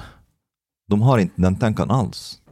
Nej, och, nej men då, du menar att och, och vad, vad, betyder det? Hur, skulle man ha, hur ska man agera? Jag menar att för många av dem, de, de ser inte bidrag till exempel, eller att bara att gå på bidrag som, som är någonting eh, ja, som de ska skämmas för. Att man ligger någon till last, ja. utan snarare som en rättighet. Mm. Ja, men då fungerar inte alltså, så här att rättigheter finns inte förrän skyldigheter kommer alltid en tusendel sekund före rättigheter. För att du har bara rättigheter om någon annan är beredd att se det som sin skyldighet att leverera på dina rättigheter. Annars finns de inte. Och, och, eh, Ta det en gång till. Det lät väldigt fint. Jo, eh, jo om alla människor, men jag har rättigheter. Jaha, men det förutsätter ju att du ska hämta ut din rättighet. Att det finns någon där som, som känner skyldighet att leverera din rättighet. Och, och, och, den här ekvationen måste gå jämnt ut, annars blir de inte på riktigt. Och det ser vi ofta i det svenska samhället att okej, okay, ett barn får neuropsykiatriska problem. Ja, det ska vara fantastiskt BUP och sånt. Nej, det fanns ju inte där på det sättet att de löste problemet. Så i, på pappret så är det så att du har rättigheter, men i verkligheten så har du inte det. På samma sätt om, om du är ute och, och löptränar får ont i knät, så, så har du en privat sjukvårdsförsäkring så kan du få en magnetröntgenkamera samma eftermiddag under kameraundersökning. Om du inte har det så kommer du hamna i en slags vårdkedja som i värsta fall håller på tre, fyra månader och sen har du gått med det där knät och verkligen fått problem med ditt knä på grund av att du inte kom och fick rätt, rätt hjälp från början. Därför att det var ingen som var intresserad att, att uh, leverera på din rättighet som politikern sa att du hade. Mm. Och då, då finns den inte. Du sa något om att man sätter sig i privat skuld, att om man ja. bjuder på mat eller något annat. Följer du sociala medier någonting? Twitter, Facebook? Inte så mycket. Det, det finns något som trendar som heter Swedengate. Ja, ja, det, det, det, har jag, det har jag faktiskt. Det har du läst. Folk ja. i utlandet blir helt chockade när ett barn ska vänta på rummet för att kompisen ska äta middag. Mm. Och jag minns själv när jag växte upp att sa jag att jag var hungrig då skickade föräldrar, ungens föräldrar hem mig så jag fick äta hemma hos mig. Och så jag grottat i varför har vi en sån kultur i Sverige? Det finns ganska... Vad beror det på? Jag vet inte. Jo, jo det var precis, du var precis inne på det själv. Om jag bjuder någon annans unge på mat då, då blir det en förväntan om att den familjen också måste bjuda mina unga på mat så att det jämnas ut sig så inte det står en skuld däremellan. Och det är något gammalt jättekulturellt i Sverige att det, det är ett nollsummespel. Det får aldrig bli så att den har betalt Nej. mer än någon annan. Jag vet när jag, och sen, sen, den här kulturen är väl olika stark i olika delar av Sverige. Jag är uppvuxen i, i södra Småland, där är den extrem. Det är alltså in absurdum. Jag har sett folk sitta på krogen och fråga servitören efter en miniräknare för de ska gå igenom kvittot. Ja. Så det är exakt på kronan blir rätt vad alla ska betala. Alltså det, det är som en Monty Python-sketch. Ja, ja. Mm. Eh, vad var det jag ville komma med det? Jo, vi, vi har... Alltså, i, i, i, andra kulturer utifrån så tittar man på detta och blir helt chockad. Liksom, hur kan man göra så mot ett barn? Eller medan svenskar då ska försvara det här. Och då var det en intressant grej hur jag sett ett försvar för att många utomlands tror att jaha är det så ni behandlar invandrares barn? Man har inte riktigt gjort kopplingen att Nej, svenska barn också. Likadant ja. ja. Och då var det så ju någon vänstertjej som ska ta detta i försvar och förklara att vi är minsann inte rasister. Vi har tagit emot mest invandrare av alla i Europa. Som att här är beviset ja, på att och då, då, och, då, och då kan vi behandla barn så här liksom. ja men du vet för att vi har tagit emot så många. Eh, och, och då kom jag in på en annan, jag pratade med Mustafa om att i Sverige så tänker man väldigt mycket att mäta res, äh, att resultat, vi, vi kan bara prata om det om det är något som är mätbart. Att om någonting ska finnas, existera, så måste vi kunna mäta det. Mm. Då kan vi inte sätta en siffra på det. Då, då, eh, då, då, finns det inte där. Som det här med en kultur att bjuda och vara lite generös och sådär. Den är inte riktigt, hur mäter du vem som är generös? Ja, du kan mäta i kronor och ören förstås. Men då blir det den här skuldkulturen och så då slipper vi det. Det, det är en aspekt av det. En annan, det, för jag var också med om ja. det här när jag var liten. När jag var Samma hemma hos min kompis ja. Björn. Och jag fick ingen mat. Och mina föräldrar blev väldigt chockade. De förstod inte varför. Eh, men eh, en annan aspekt av det, det är också, jag, jag skrev nog för något år sedan och så frågade jag så här, vilka har varit med om det och så försökte jag hitta något mönster. Det verkar som att det är inte så vanligt förekommande på landsbygd och i småorter. Eh, däremot i områden där du har människor som håller på att klättra upp från arbetarklass till typ någon sorts medelklass.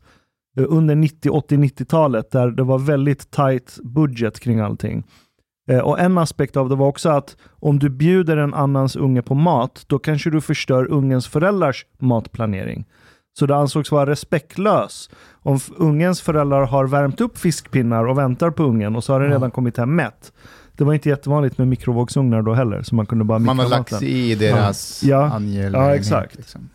Men det har inget med rasism att göra. Nej, nej, nej, nej, nej, nej, nej, det är bullshit. Nej, nej, nej, nej. Det, det är bara en sån här väldigt eh, avvikande kultur. Men jag tror det säger någonting om hur svenskar tänker. Det ska vara rättvist. Eh, ja, Man ser det här genuint som något rättvist. Alltså jag har varit i sammanhang med alltså vänner som, när man är på krogen. Så säger men jag bjuder på ölen nu, sen bjuder du på nästa, okej? Okay? Uh, okej. Okay. Och så har jag suttit och så har de påmint mig när ölen är slut. Det är din tur att bjuda nu. Alltså, du vet, det är helt främmande om jag hade gjort så med, med, med någon annan. I, i, lite, men, men också i, i Mellanöstern till exempel, det är underförstått att det kommer hända. Att ja. om jag bjuder dig på, på middag till exempel, man förstår att du kommer bjuda någon gång. Ja. Men det, man räknar inte med... Ja. Mm. Nej, men det, det, förhindrar ju många det här sättet att vara förhindrar ju många nya möten antagligen. Ja, folk är rädda att göra fel. Folk är rädda att göra fel. Medan däremot i byn så, så, så, så visste man, då kunde man hålla reda på det här. Men är, är, är rädd för... Jo, just det. Det, det var faktiskt det här med, jag läste en artikel länge sedan nu, men antropologi i alla fall. En indisk antropolog som studerade om det var Danmark eller om det var Sverige. Och så var det någon som hade jättestor äppelträd, liksom massor med äpplen som dignade. Och det är ingen människa, de ruttnade naturligtvis bara, de föll ner och ruttnade. varför, varför ger den inte bort äpplena? Eller varför kommer ingen och frågar om de får ta äpplena? Och då var det just det här att om du ger bort då är det oschysst mot de här, för då var ju de i skuld till dig. Vem är du som ska göra att de blir skuld till dig? Och de kommer heller inte fråga, så därför så tyckte Då är det bättre att de ruttnar. Det är bättre att de ruttnar. Ja. Mm. Och det var en indisk antropologisk studie av hur, hur man beter sig i Danmark. Det är väldigt klokt ur ett samhällsekonomiskt perspektiv, ja. speciellt vid matbrist. Men jag blir förvånad att de här fenomenen existerar, för vi har väl ingen svensk kultur i Sverige? nu kom den med ja. Det här med tacksamhetsskuld, du tar upp det när du berättar om eh, våldsmonopolet i Sverige också. Eh, ja, vad är det jag säger? Eller, nu får du, ja, det gör jag, men hur är Dra sammanhanget så jag kan komma in. Eh, sammanhanget är, eh, du pratar om att det kan vara för sent mm. för att stoppa fästet av gäng i Sverige. Att vi kan ha nått, gått förbi den punkt så att det blir som i jag tror du nämner någon maffiagrupp i Sicilien. Sicilien är så här att Sicilien hörde ju eh, till Frankrike och det hör till olika länder. Sen är, så, så blir, enas Italien 1860 ungefär. Men man har liksom inte och sen har det tidigare alltså varit sådana här stora fideikommiss, stora landägare som var och en har haft utövat våldsmonopol i sina stora landegendomar. Sen så blir det landreform, men man har inte kraft med polis eller, eller så, utan det finns 300, jag läst, 350 poliser i hela landet, eller hela, hela Sicilien. Och då utvecklas maffian. Och som då beskydd, men beskydd betyder ju i värsta fall bara att jag skyddar dig från att du ska, från att jag ska slå dig.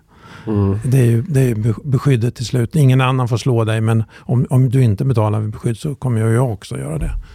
Det är som när vi betalar skatt i Sverige, att om du inte betalar skatt så kommer Kronofogden att ta dig. Så kommer Kronofogden att ta dig. Men, men det, så detta etablerades då som när staten inte fanns där och man har inte lyckats utrota det. det Vad är det, det 160 år eller någonting? Ja, 1860, 160, 160 år ja. Men det är ungefär som att försöka utrota socialdemokratin i Sverige. Det är lika okay. svårt. När, när du ser och hör politiker säga att de ska knäcka eh, gängbrottsligheten, vad tänker du då?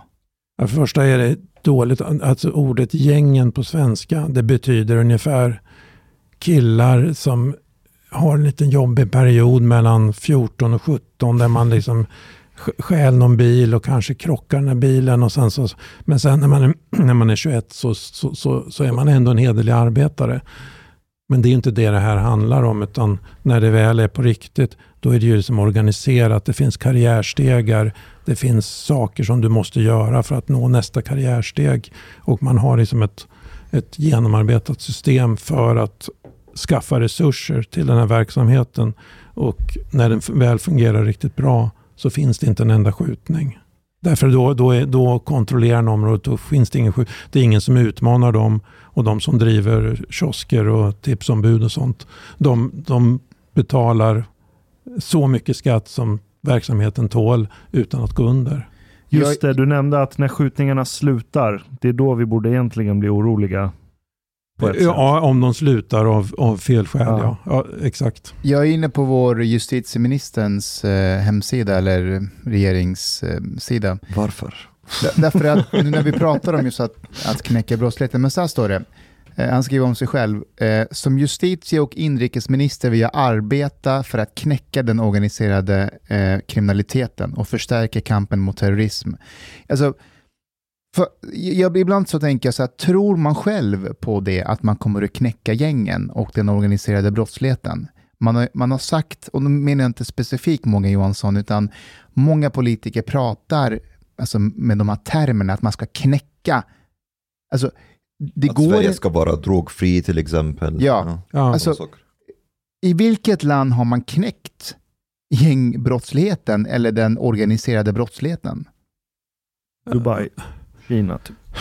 Nej, det är ju, ja, just det, med den typen av fullständigt hänsynslösa åtgärder så går det kanske, men, men de är, finns ju inte på, den finns ju inte på kartan. Utan eh, ja, om man tror på det, ja, alltså man, man är ju den här bubblan av likasinnade och när när de åker ut i verkligheten så står ju alla på tå och visar upp sitt bästa. Liksom. Så, att, så att de får jag sällan se verkligheten så som, så som, så som den är. Utan det blir väldigt, det blir väldigt abstrakt.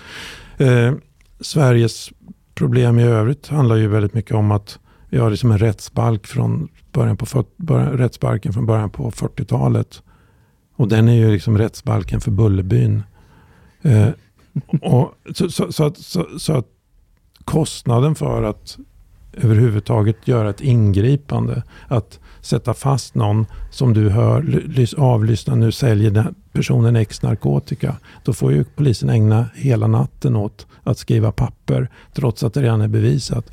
Eller om, även om vi har så att säga se på kamera ett brott begås. Då skulle man kunna säga så att det är redan klart. Det behövs inte tio advokater och, och massa människor i en rättssal och man står och läser upp en massa saker och visar och om och om igen. Det tar, kan ta dagar och kosta hundratusentals kronor när det borde bara vara en expeditionsaffär att få, få klart det här.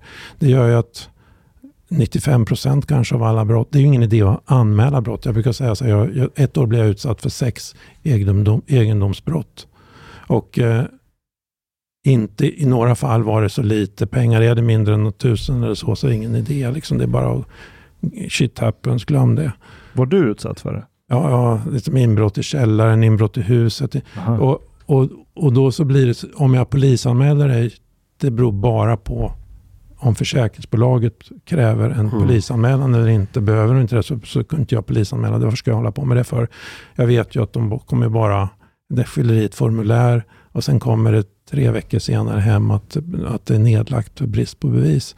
Så att hur många brott som människor faktiskt utsätts för, det, vet, det har vi ju ingen aning om. Det, så det, det är den där delen. Den andra delen är ju alla människor som faktiskt inte kan anmäla för att då råkar de ut för, för, för otrevligheter. Så att, ja, men en, en, stor, en stor del av gängens inkomst kommer från cannabis till exempel.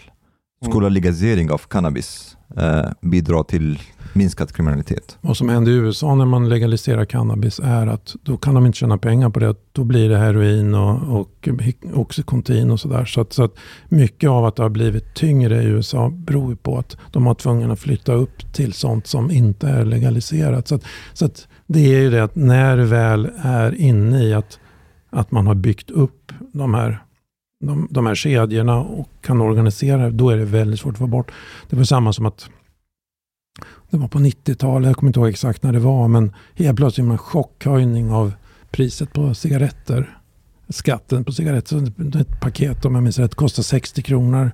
Det var precis vad som behövdes för att det lönade sig att bygga en effektiv kedja av piratcigaretter och smuggelsystem. Och då blir det ju så att de som sköter det kan inte gå in på, på eh, Hemköp och säga till att Marlboro, du ska inte sälja riktiga Marlboro, du ska sälja mina. Men den där stackars tipsombudet på, på Lilla Tvärgatan kan naturligtvis inte säga nej men jag tycker jag vill ändå sälja riktiga Marlboro. Nästa morgon kommer han förstå att han måste sälja de andra Marlboro eftersom, eftersom rutan är sönderslagen och, på, på hans butik. Mm. Så, så, att, så att, och det här tror jag inte Morgan Johansson, Johansson fattar att det är så världen fungerar.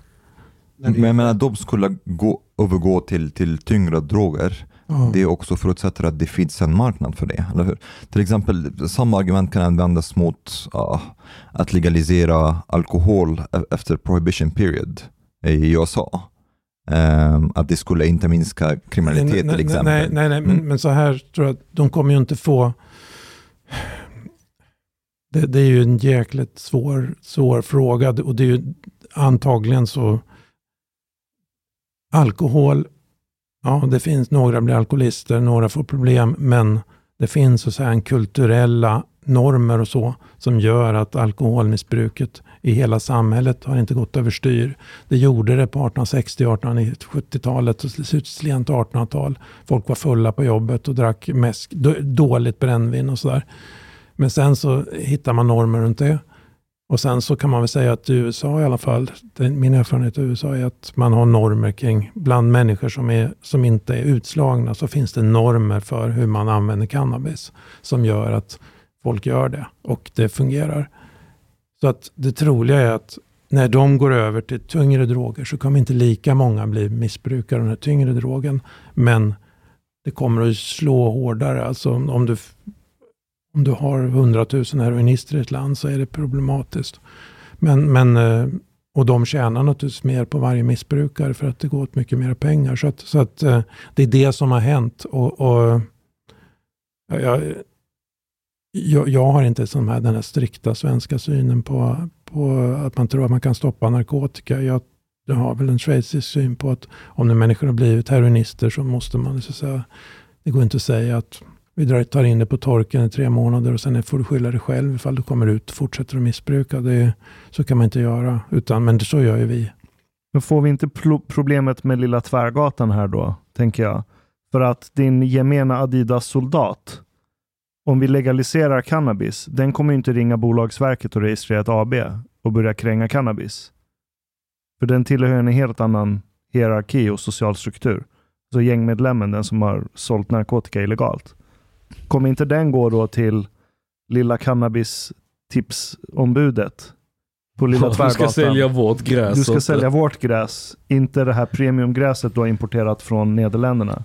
Ja, ja det är ju, men här har vi ju det här liksom att, igen, att vi lät det här, att vi lät det här växa till sig. Och det är ju jävligt svårt, väldigt svårt att bedöma hur långt, hur långt har det gått och i, i vad mån kan man trycka tillbaka det? Och jag tror att ni har lika bra svar som jag på det. För det kan ju inte jag svara på. Det går ju inte att studera riktigt. Det blir ju liksom nedslag. Okej, okay, så här ser det ut. Och så är det någon som kartlägger hur det ser ut i Hjällbo eller Angered eller i, i Tensta eller någonting. Men, men det, är, det är liksom en berättelse om det. Vad, vad är er uppfattning? Jag, jag funderar mest, kommer de här gängen påverkas av en ökande inflation? Ja, men Chang, inte om inflation och räntorna. Vi, vi, vi, stannar vid våldsmonopolet och... Jag, jag har en fråga. Eh, du pratade om att, eh, att liksom det är väldigt mycket pappersarbete när det gäller bevisvärdering och så. Att det tar väldigt mycket. Har du tittat någonting och jämfört typ så här rättsväsendet och hur man jämför eh, hur mycket bevis man behöver presentera rätten jämfört med andra länder? Om det är om det har stuckit iväg just eh, i Sverige, att det har blivit absurdum med just bevisrätten? Jag, jag har en, en god vän som vars son, eller hans gudson var de, de, det här är människor som har väldigt gott ställt. Gudsonen blev grovt misshandlad i en tunnelbanestation norrut. Och allting var på kamera. Hans, och sen var det, det var ett, ett par invandrarkillar som gjorde det här. Och sen så var deras lärare var vittne, såg det här. Och det var på kamera. Och då var det så att man tänkte lägga ner det. Men den här familjen la en halv miljon på att driva caset med bästa advokaterna och vann då till slut. Så att de här blev dömda. Det tog något 8-9 månader. Men då beskriver han hur det sitter hur många jurister som helst och man sitter och läser upp saker som vem som helst. Det är solklart, det behövs inget att sitta och läsa upp utan det står där, det finns en film, det finns allting, vittnesmålen. Och då berättade min vän för, för hans, hans, en annan, hans kompis som var sån här district attorney i Seattle. Alltså, skojar du? Det var kamera, det var vittnesmål, det var alla bevis. Den där, sån där tar jag ju själv på morgonen. Jag bara bläddrar igenom så det här är solklart och sen dömer jag. Det, det, det tar mig fem minuter. Och det Sverige kostar den här en rik person kunde, fick lägga hundratusentals kronor. Hade han inte varit rik eller inte haft råd att riska 200 000 för att ta ett lån och göra det så hade man bara gett upp. Och det är ju det, är det jag menar med det är ett rättsbalk för Bullerbyn. Och jag, jag tycker att svenska advokatskrået som sådant är en stor... De har för sig att tusentals sidor av bevis kan man inte läsa igenom och sen bilda sig en uppfattning. Det ska de stå och läsa upp i rätten och få 3000 kronor i timmen. Hur kommer det sig att vi har hamnat, att det har blivit så här? För så här var det väl inte förr i tiden? Ja, för att alla pratar om att beviskraven bevis, alla, allt det här har ökat mycket mer. Men alltså jag tror att det var så att, att också i, i det lilla samhället med social kontroll och så, så, så fanns det, nu, nu advokat, erkänn ingenting hitta på världens mest icke-konstiga historia, att det skulle kunna vara på det här sättet. Då säger rätten, då skulle rätten i princip säga att det där är inte alls trovärdigt, vi, vi beaktar inte det överhuvudtaget. Nu är det som att ja, det skulle ju kunna finnas en chans på 10 000 att det var så här, ja, ja, man ska... Och, och allt det här tar tid, allt det här kostar väldigt mycket pengar. Och det är klart att jag förstår ju om, om jag var polis så skulle jag lämna yrket därför att Eh, är, ser jag det här, vet att den här personen är skyldig och sen är det det här som händer och så ser jag advokater som tjänar tusentals kronor i timmen på att försvara någon som, som överhuvudtaget inte man skulle behöva ägna tid åt. Och det kan, man kan ha ett sådant system om det ändå är så att det är så få brott som görs. Men om detta innebär att 95 procent av alla brott bara skrivs av. Eller, eller rättare sagt, den som skulle behöva driva talan säger att jag har inte råd eller tid eller ork. Jag måste vidare med mitt liv. Jag kan inte ägna två år av mitt liv åt att strida om det här. Jag måste, det, det, det är väldigt dumt att göra det. Det, det förstår, lär man sig i kognitiv beteendeterapi, liksom, att man ska inte slåss mot väderkvarnar. För, för att dra en anekdot som hände mig förra veckan eh, angående just det här med bevisvärdering och sådär, just pappersarbete. Eh, jag och en kollega, vi jobbade en helg och sen så fick vi åka till eh, Ensta där vi träffade två personer hemlösa. Och de var drogpåverkade och på dem så träffade vi både kniv, kofot, eh, tång och massor med andra grejer. ett, de här var hemlösa och de var, jag såg uppenbart att de var missbrukare. Så där vi tänker att vi vill ju inte rapportera om för något brott, för det, det leder ändå ingenting till och vi ser i registret att de har hur mycket brott som helst på sig. Så det vi gör det är att vi tar eh, alla deras brottsverktyg för att vi kan motivera, de är hemlösa med, med största sannolikhet så kommer de vilja bryta sig in någonstans för att övernatta eller stjäla grejer och så. För den gemene eh, polisen så är det no-brainer. Det är klart man gör det. Det är ju liksom, annars vore det tjänstefel. Vi tar med oss det här till station. Här är kruxet. Jag skulle vilja påstå att för många poliser där ute, inklusive jag, så tar man de här verktygen och bara slänger utan att dokumentera någonting. Eh, det är för mycket jobb. För att det är för mycket jobb. Ja. Men eh, den här gången så hade jag en rätt så ny kollega med mig och jag tänkte så här, nej, nu måste vi göra allting perfekt och grundligt så att hon lär sig hur man gör. Och vi gjorde precis som man skulle göra. Vi skulle fylla i en formulär eh, som man fyller i. Och sen så skrev vi allting och vi hade till och med haft ett litet miniförhör med de här personerna som, eh, som motsatte sig det här beslaget. Och så, så skickade vi in det här till våra, de som skulle granska det. Här var hennes motivering. Lyssna nu. Det blir för administrativt bökigt för mig att administrera det här för att jag måste skicka det här till åklagaren som ska fatta beslut om det här och så vidare. Så därför så väljer jag att häva beslaget tillbaka till de här eh, personerna mm. för att det blir, alltså det blir för jobbigt. Så hon hävde beslaget. Vadå, var ni tvungna att åka tillbaka och lämna tillbaka eh, de, eh, Beslaget är hävt, så de ska få tillbaka det. Kommer ni att orka, orka få göra det då? Eh, om vi säger så här, nu är de hemlösa och det är inte så att de kommer kanske, det första de gör är ju komma tillbaka och hämta sina grejer. Mm. Men för mig, det här är precis vad du säger, att det blir det, det, det är så pass byråkratiskt det, ja. och att alla vet vart det, vart det failar, men ändå så kör man på det spåret.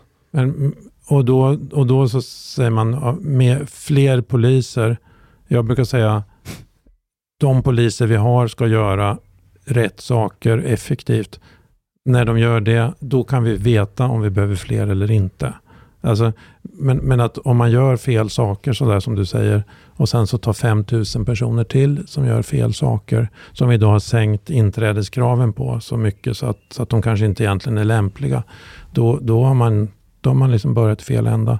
Men då har ju också, då har ju också, då har ju också det här med eh, vittnesförhör. Att eh, i min värld, sunt förnuftvärlden, så är det ändå så att det enda förhöret som är möjligen är bra är det första. Eh, när du är, om, och speciellt om det sker nära brottsplatsen och nära i tid. Inte på, och den gäller inte. Det är ju helt obegripligt. Det gäller inte, utan det gäller det som är när, åtta månader senare. När, när du har pre, preppad och hotad eller vad det är för någonting. Plus att de här som är åtalade, deras, deras släktingar eller familj eller kumpaner sitter och tittar på dig. Alltså hur kan man ha ett sånt system? Eh, det, det, det, det, är liksom, det är som, har man ingen människokännedom överhuvudtaget om hur den mänskliga naturen fungerar. Det är väl det som kallas för omedelbarhetsprincipen, eller? Ja, det är att det ska, allting som sägs i rättegången, ja. det är det man tar hänsyn till. Ja. Förundersökningen är väldigt, väger väldigt lätt. Ja, men nu ja, har man ju då, ändrat då, på det va? Ah. Jo, nu är, det, är inte den lagen ändrad. När? Jag fick för mig det. Är, vet, är det någon som vet det säkert? Jag tror inte Men det. alltså även om den är ändrad, om, om jag ser ett brott ske och jag gör bedömningen att det kan vara gängkriminalitet involverat här. Jag har inte sett ett shit. I'm out of there. För att det tar en minut, och det här skriver du också om Magnus, att det tar en minut för de här gängkriminella att googla vart jag bor, hur mycket jag tjänar, om jag har barn hemma, rubbet. De kan få reda på det här på en gång. Ja, det räcker ju. att tänka att du kör liksom lugnt med bilen här förbi och sen så är, sker det en avrättning. Så här, fan jag vill inte, så det här, så oj, han har liksom STP 328. Ja, ja, men ja, det är han. Ja, just det. Han bor i en villa i Mälarhöjden. Det är bara att åka här och, och, och få honom att förstå att du ska nog hålla tyst. Alltså, det, det, det, är också väldigt konstigt att, att du kan identifiera, vem som helst kan identifiera människor hur som helst på det här sättet. Det är, det är också Bullerbyns, alltså en remnant mm. från Bullerbyn. Mm. Men är det inte ja. mer lönsamt att vara kriminell då egentligen än att försöka sköta alla regler och göra by the book? Alltså det, det, det är så att ju mer lönsamt det blir att vara kriminell, desto fler kommer glida in i det, skulle jag vilja säga. Sen, sen är det ändå så att du kan ju inte få respekt i samhället i stort som en, som en kriminell person. Kriminella som... Inte om du ja, men, gör musik kanske?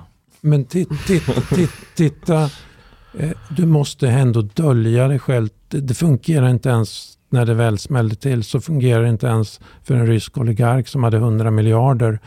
Nu helt plötsligt så är de utskämda och man tar deras båtar och, och de tvingas sälja sina fotbollslag och sådär utan att få ta någon, någon del av försäljningssumman själva. Så att, så att det är ju ändå så att, att det är ett pris att betala som kriminell att du kan inte vara öppen med vem du är. Du kan inte bli, få respekt. Men om jag, om jag gör det by the book så tar ju Skatteverket allt jag har tjänat. Så vad är skillnaden? Ja, det gör de väl inte men... Alltså, nej, det, de tar ju inte allt som du tjänar. ja men om vi räknar, om jag... Om jag... Chans, ska du fortsätta längst den? Nej, nej, nej, nej, nej, nej, Han säger gör, nej. Nej, men det gör de ju inte. Utan, det gör de inte. Ja, Okej, 80 procent då, eller 75? Nej, nej. Så mycket är det ju inte. Så, så, om jag ska, tanka, hälften, om jag ska tanka min bil. Ja. Vad, det är punktskatt, är det moms och det är på redan skattade pengar som jag tjänat ut. Om du räknar på om jag jobbat ihop ett värdeökning på 100 spänn. Då får jag bensin för 15-20 spänn i värde i, i, tillbaka i andra änden. När alla skatter är betalda. Eller har jag, men, har jag fel? Om, om, du just köper bensin så, så, så blir det ju väldigt hög skatt. Ja. Om du köper snus då, sam, nästan samma sak. Och vad mer än bensin och snus behöver man? Nej, nej, det vet jag inte. Men om, men om du köper knäckebröd så är det ju inte det som 12% moms bara. Jag är ju inte miljöpartist. Får jag bara komma med en detalj just om den här omedelbarhetsprincipen. Den, den, har, den har ändrats nu.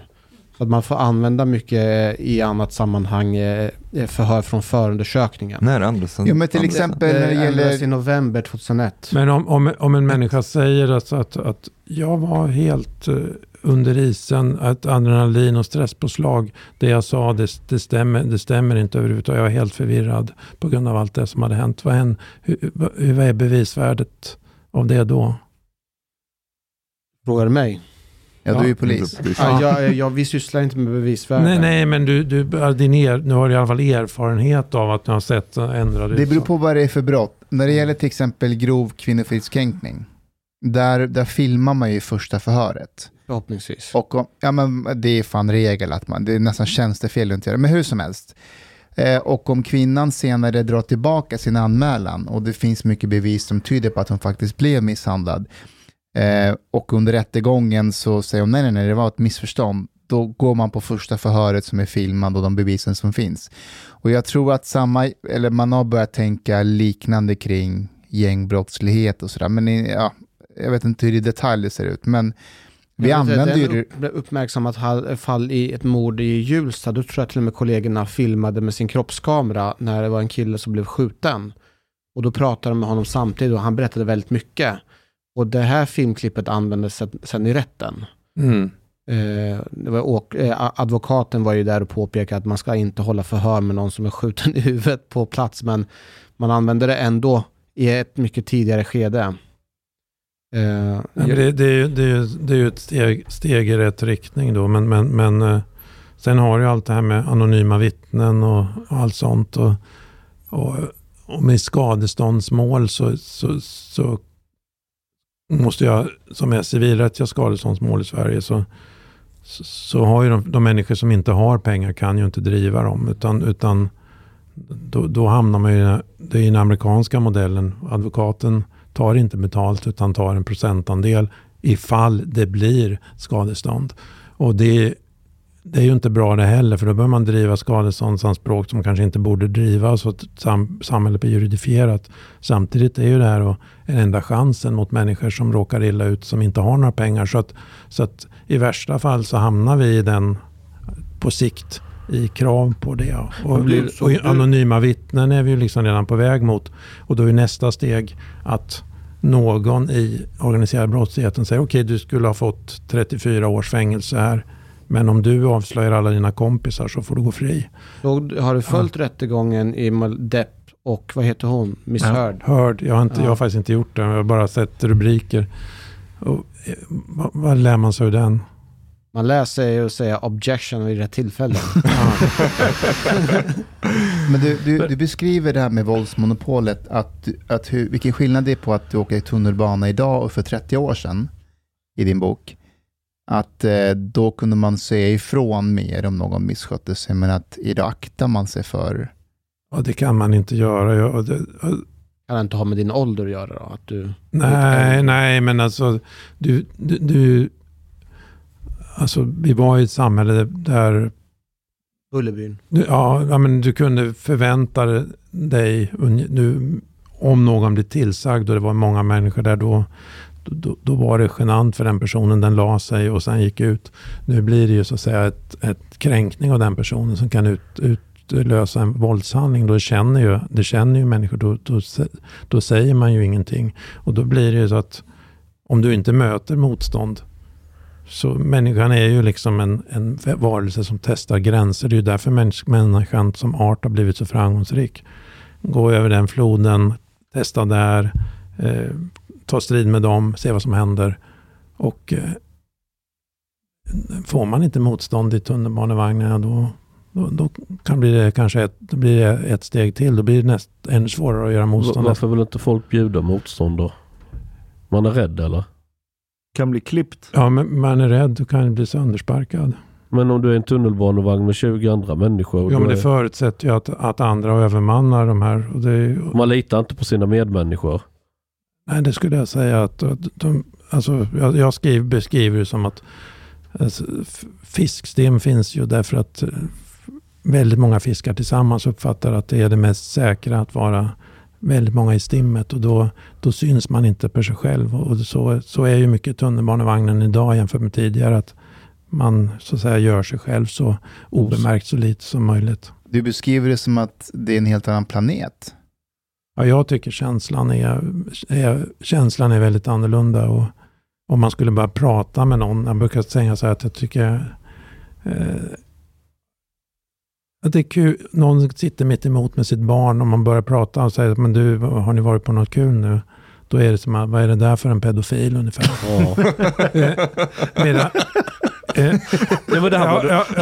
Men tror inte att det är någon åldersgrej där också? Nej, Nej. men, men då märker man, men om det är en kvinna med afrikanskt ursprung så är det så. Hon tycker det är jättekul. Ja.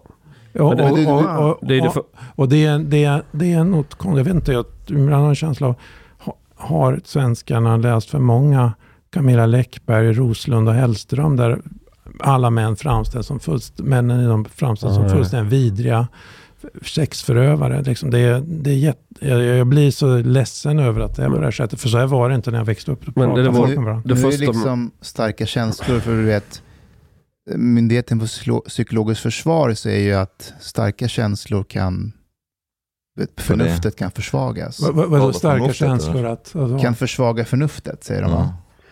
Vem har starka känslor? Jag? Ja, du, när det kommer till tunnelbanan. jag, nej, jag, jag, har lärt, jag har ju lärt mig, jag vet ju vilka som jag...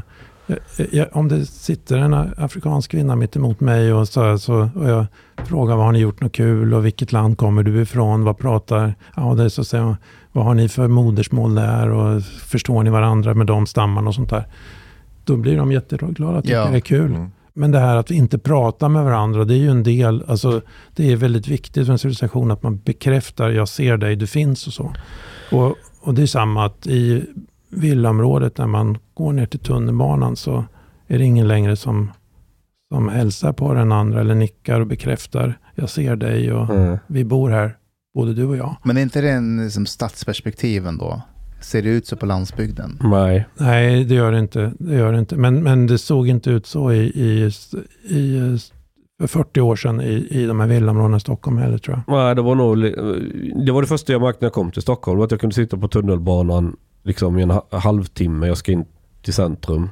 Mm. Och så sitter någon mitt emot. Ja, då börjar jag ju prata med folk. Vad fan, vi ska sitta här och i en halvtimme liksom ja. för att fördröva tiden. Jag märkte att mer än hälften tittar på en helt förskräckt. Och jag var ju inte så pass gammal att man kunde anklaga mig för att vara gubbsjuk eller något annat sånt. Utan alltså, det var hur, ju... var du, hur var du klädd, Chang? Nej, då var jag nog bättre klädd än vad jag brukar Nu skiter jag ju mest i vilket. Jag har slutat bry mig. Men, men nej, jag var nog som vem som helst. Och vad pratade du om? Var det inflation och ränta och Nej, nej, det motor? var det inte va? Nej, nej jag kommer inte ihåg. Alltså, det var nog Im- väldigt så här, Impala 65. Ja, det, det, var, det var bra att du kommer ihåg. Ja. Pluspoäng. Eh, nej, det var då väldigt all, alldagliga saker. Bara liksom väder eller vad som helst. Men just det där att, att prata med någon. Det var... Jag, jag tror... Det jag märkte var att när jag hamnade i Stockholm så... Jag är i en stad med vadå, över en miljon människor. Men jag har aldrig känt mig så ensam som här. Om vi går tillbaka till, eh, till det med invandrarkvinnor. Eh, det är många som pratar nu, Socialdemokraterna och Socialdemokraterna, Moderaterna, de pratar om att det är bra om de har färre barn. Och pratar om kanske att ta bort flerbarnstillägget. Eh, skulle det funka? Som, finns det ekonomiska incitament att ha fler barn i Sverige? Alltså det, det, det, det är ju så här, har, har du väl kommit över en viss nivå med antalet barn och så där, då... Att det är ju så, så är ju livet överhuvudtaget, att man glider in i någonting. Man glider in att bli långsam övervikt, man glider in i att bli framgångsrik också för, och jobbar med någonting. Alltså, så, så att i den meningen så, så, så ja, vi, vi, vi gör idag det vi gjorde igår fast lite mer. Det, det, det, det är liksom så, så, så funkar ju livet ofta därför att det är därför det är bra om man kan etablera goda vanor som, som gör att, att saker och ting funkar. Och, det, det är väl troligt att utan flerbarnstillägg så är det färre som kommer glida in i att ja, om vi skaffar ett barn till så får vi ytterligare 14 månader med, med den här mammapengen och så får vi ett förhöjt barnbidrag och sådär. Så att det är klart att det kommer att få effekt, men det kommer att ta tid. Det händer ju inte på nolltid. Det kommer ju drabba dem. Så är det ju alla sådana här förändringar.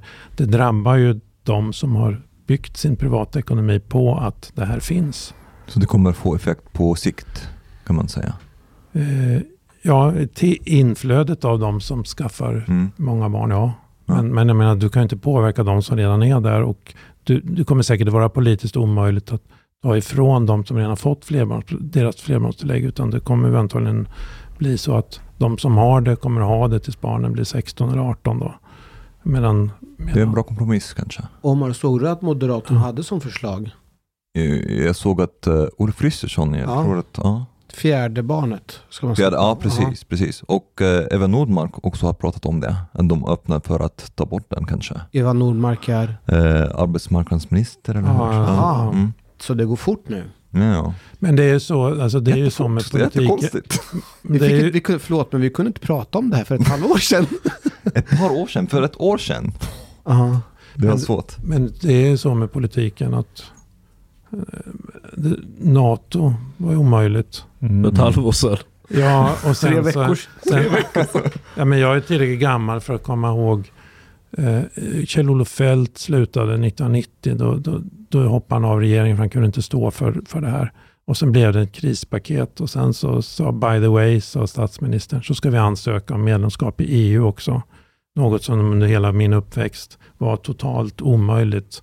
Och man har fattat nej, sen bara har man en kris en månad och då passar man på att kasta in det här. Och nu händer det här i Ukraina. Nu ska vi vara med i NATO. Och eh, nu, gör, nu gör jag en liten för, prognos. Vi kan se om det stämmer. Ni kommer vakna upp en dag när som helst när Margareta An- Margareta Andersson säger vi måste bygga kärnkraft. Det är ju självklart. Ja, ja, den, den Ja, hänger Är inte det här en bra vana att glida in i då? Vad, vad sa du? Men du pratade om att man glider in i saker. Det här Ja. är ju utmärkt om Sverige glider in i det här att vi bara kappvänder på allt vi har sagt är omöjligt. Men, men, ja, men det är ju också... Det, Inte allt det gör ju att människor känner sig manipulerade. Att, att här pågår en diskussion, de säger en massa saker som är skrivna i sten, påstår de. Och sen nästa dag har man så att säga slipat Alltså, bort allting som står på sten. För min del, det värsta är inte att man ändrar sig från en dag till en annan. Jag, jag hade Jens Ganman förklara för mig att det, det, det är som att det, det det är en familj som sitter och har en middag. Och så säger mamman så här, ja, frågar eh, pappan då, "Hur- var det på din dejt igår med Jonas? Och så säger barnen, "Va- vad sa du? Ja men du vet, pappa är homosexuell. Va? Ja, pappa har alltid varit homosexuell. eh, det är det här som gör mig lite rädd, det är att när man kommer ut och säger så här, men vi ska gå med i NATO eller vi, ska, vi är för kärnkraft, så, så det är inte bara att man ändrar åsikt, man säger också att men vi har alltid varit för kärnkraft. Mm, massiv Det- gaslighting. Ja, det är alla andra som har stoppat oss när vi velat prata om kärnkraft. Nu, nu, nu, har vi, nu vill vi faktiskt gå framåt. Det tror jag att det blir någon slags, att människor känner sig dubbelmanipulerade på något sätt. Jag gör det i alla fall. Jag håller med. Nej, och man har ju sagt att den åsikt eller den synsätt man hade dagen innan, det, det finns ju mycket forskning och, och utredningar som helst som säger att det är det rätta. Och sen nästa dag är tydligen de inte värda någonting. Så, så, att, så det där, nej det är inte bra. Men det, det gör ju att, att eh, en betydande andel av befolkningen vänder sig bort från politiken. I USA är det ju ja, eh, ännu, ännu större andel som, gör, som inte tror på sina, har förtroende för sina politiker. Och då blir det ju ett ointresse för, för det demokratiska beslutsfattandet. Och det ser vi ju att det är inte så många som är intresserade av att, att göra så att säga, marktjänst i demokratin, i demokratins namn ute i stadsdelsnämnder och så, utan allt professionaliseras till de som så att säga, Tjänstemännen. ja, tar, På eh, tal om att inte tro på politiker, jag läste precis i detta att eh, Sverigedemokraterna har väckt miss, eh, missförtroende, misstroende mot eh, Morgan Johansson. igen. Och att KD Och M Och hakar M. på. och L hakar L på. också? L också. Aha. Och eh, nu hänger allting på Amine. Amineh Kakabaveh igen. Men vänta, och Centerpartiet? Nej, Centern kommer nej. rösta med... och vad är det för vilken grej, för vilken sak då? Att han inte sköter sitt uppdrag som justitieminister. Men vänta, de behöver bara Amina Kakabavehs röst? Ja. Och är det... Ja, ja, men hon har sagt att hon inte kommer stödja det har hon sagt, för hon, har hon har ett avtal med regeringen. Men jag tänkte bara fråga dig, när problemen är så här djupa, alltså att du skriver liksom ett helt, ett helt kapitel om att vi håller på att tappa greppet om våldsmonopolet i Sverige. Är verkligen Morgan Johansson problemet, eller är han bara ett symptom på något mycket större? Kommer någon annan justitieminister att vända på det här? Alltså, det, det, det som jag, min erfarenhet med att pratat under 30, över 30 år, drygt 30 år med ändå ledande politiker och hålla dragningar för dem och, och sådär, är ju att den politiker som verkligen vill åstadkomma någonting och kan sitt sakområde, kan egentligen åstadkomma otroligt mycket. Men du måste kunna, precis som du, som du kunde laga din Impala 65, så om du, vill få, om du ser problem i svensk sjukvård eller svensk skola eller vad det kan vara för dig, då måste du förstå att det är de här grejerna som är för, eller var, varför den här polisen, att du kan, det det här du sa om kofoten och så vidare, att, att man liksom, hon ringer och säger att jag kan inte, vi, vi släpper det här. Om den politiken som är ansvarig verkligen åker ut, det, det är det där jag ska ta itu med så att, så att du kan använda din arbetstid till vettiga saker. Då, ska jag säga, då kan du åstadkomma jättemycket. Men då måste du verkligen vilja det. Och jag, min känsla är att idag så, man har inte tid med det utan man sitter fast i något slags Twitterflöde. Och sen den ena dagen är något intressant men sen nästa dag eller om tre dagar är någonting annat. Så att man hann inte ens börja liksom fundera på hur ska man lösa det här problemet när det är någon annan problem som är viktigare och då snackar man om det. Det är det ena problemet. Det andra är ju det här att man positionerar sig mot de andra. Så att säga. Att, att eh, nu, sa, nu var det Jimmy Åkesson som sa det här men då tycker inte jag det. inte för att jag inte tycker det utan för att fel person sa Åh, nu var det Magdalena Andersson men då tycker jag så också. Och, och det, det, det här är också jättekonstigt. Men då måste jag fråga dig, för du har ju hållit på med det här i 30 år och som du sa, du har hållit många föredrag för politiker. Kan du nämna några politiker genom åren som du har stött på som kan det du pratar om? Alltså ser problemen för, för vad de är och kan som Chang fixa Impalan. Det kan vara från 30 år sedan, det behöver inte... En som jag minns väl som faktiskt var en doer som var i politiken för att vara doer. Det var ju, man kan ty- kanske inte gilla allt han gjorde men Per Unckel var en sån. Han var en doer. Och han på, på de tre åren med borgerlig regering så han införde stiftelseuniversitet. Han, en, de gjorde friskolereformen som sen då inte som skulle behövas vårdas. De, de eh, ändrade ersättningssystem i högskolan. Massa sånt som han var. Han bara gjorde det. Det var det han ville göra. Och gjorde det i ett rasande tempo.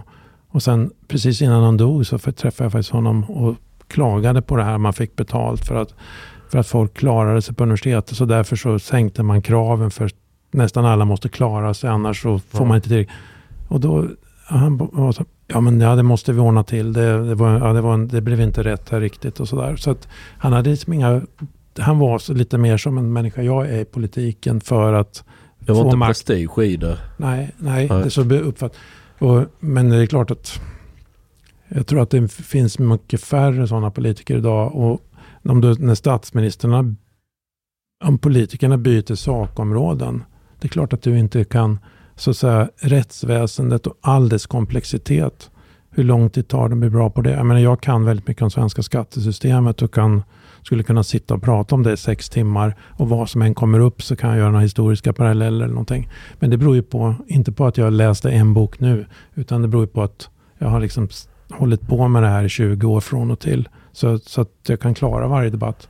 Och så tror jag att det är med sakpolitik också. Att du måste få hålla på med en sak länge och helst ska du innan du blir ansvarig minister så ska du kanske ha gjort den stora utredningen om det här.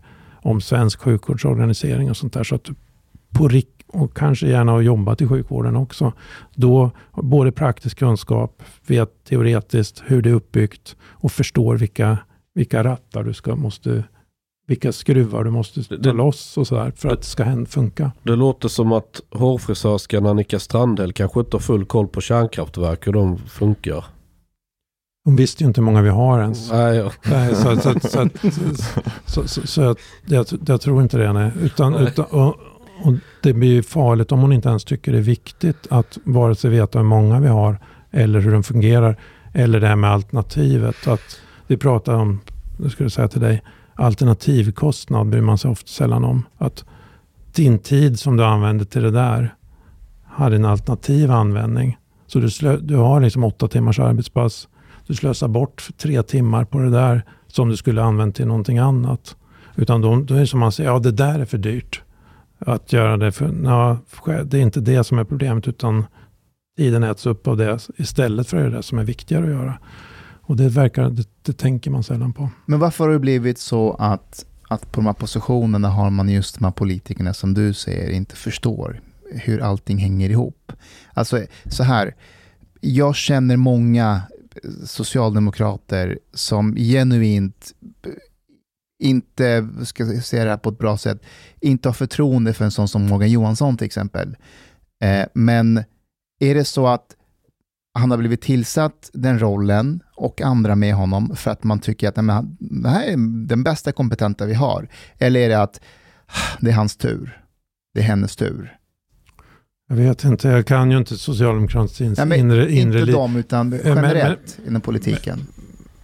Men, men, det är ju på något sätt eh, det är en intern maktlogik i alla sådana här organisationer. Och I ett i ett företag i en extremt konkurrensutsatt marknad så kan du ju inte ha folk på fel positioner som får bestämma över hur, hur man ska allokera resurserna för att då går det åt helskotta. Det går inte.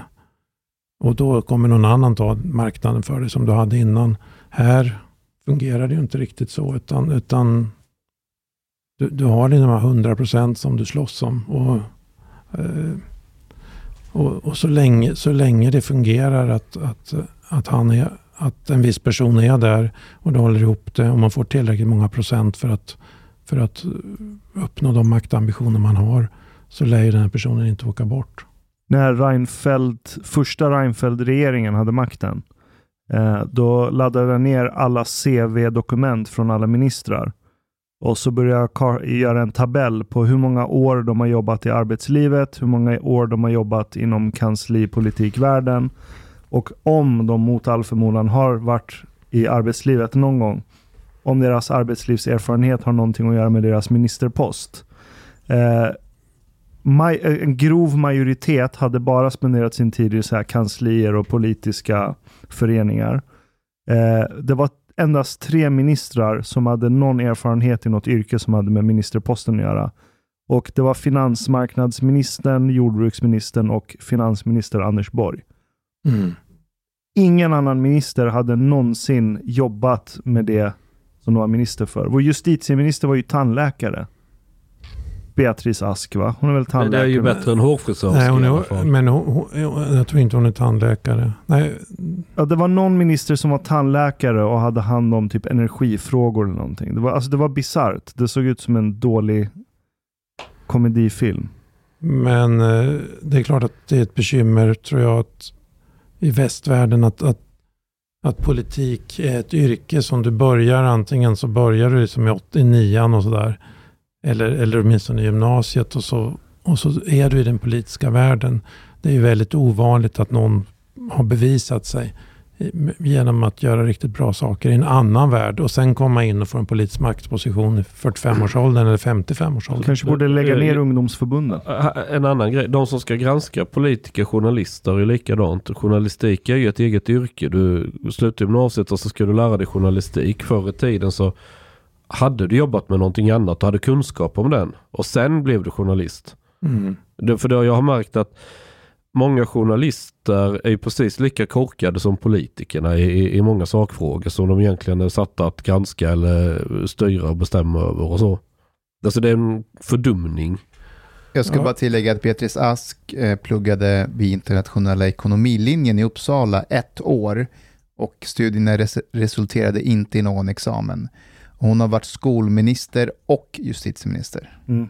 Just det, jag kollade om de hade någon utbildning också. Det hade var, hon var ju skolminister när man införde den här mest flummiga läroplanen 1994. There Den och eh, jag tror inte att hon för, förstod att det var den hon skrev under.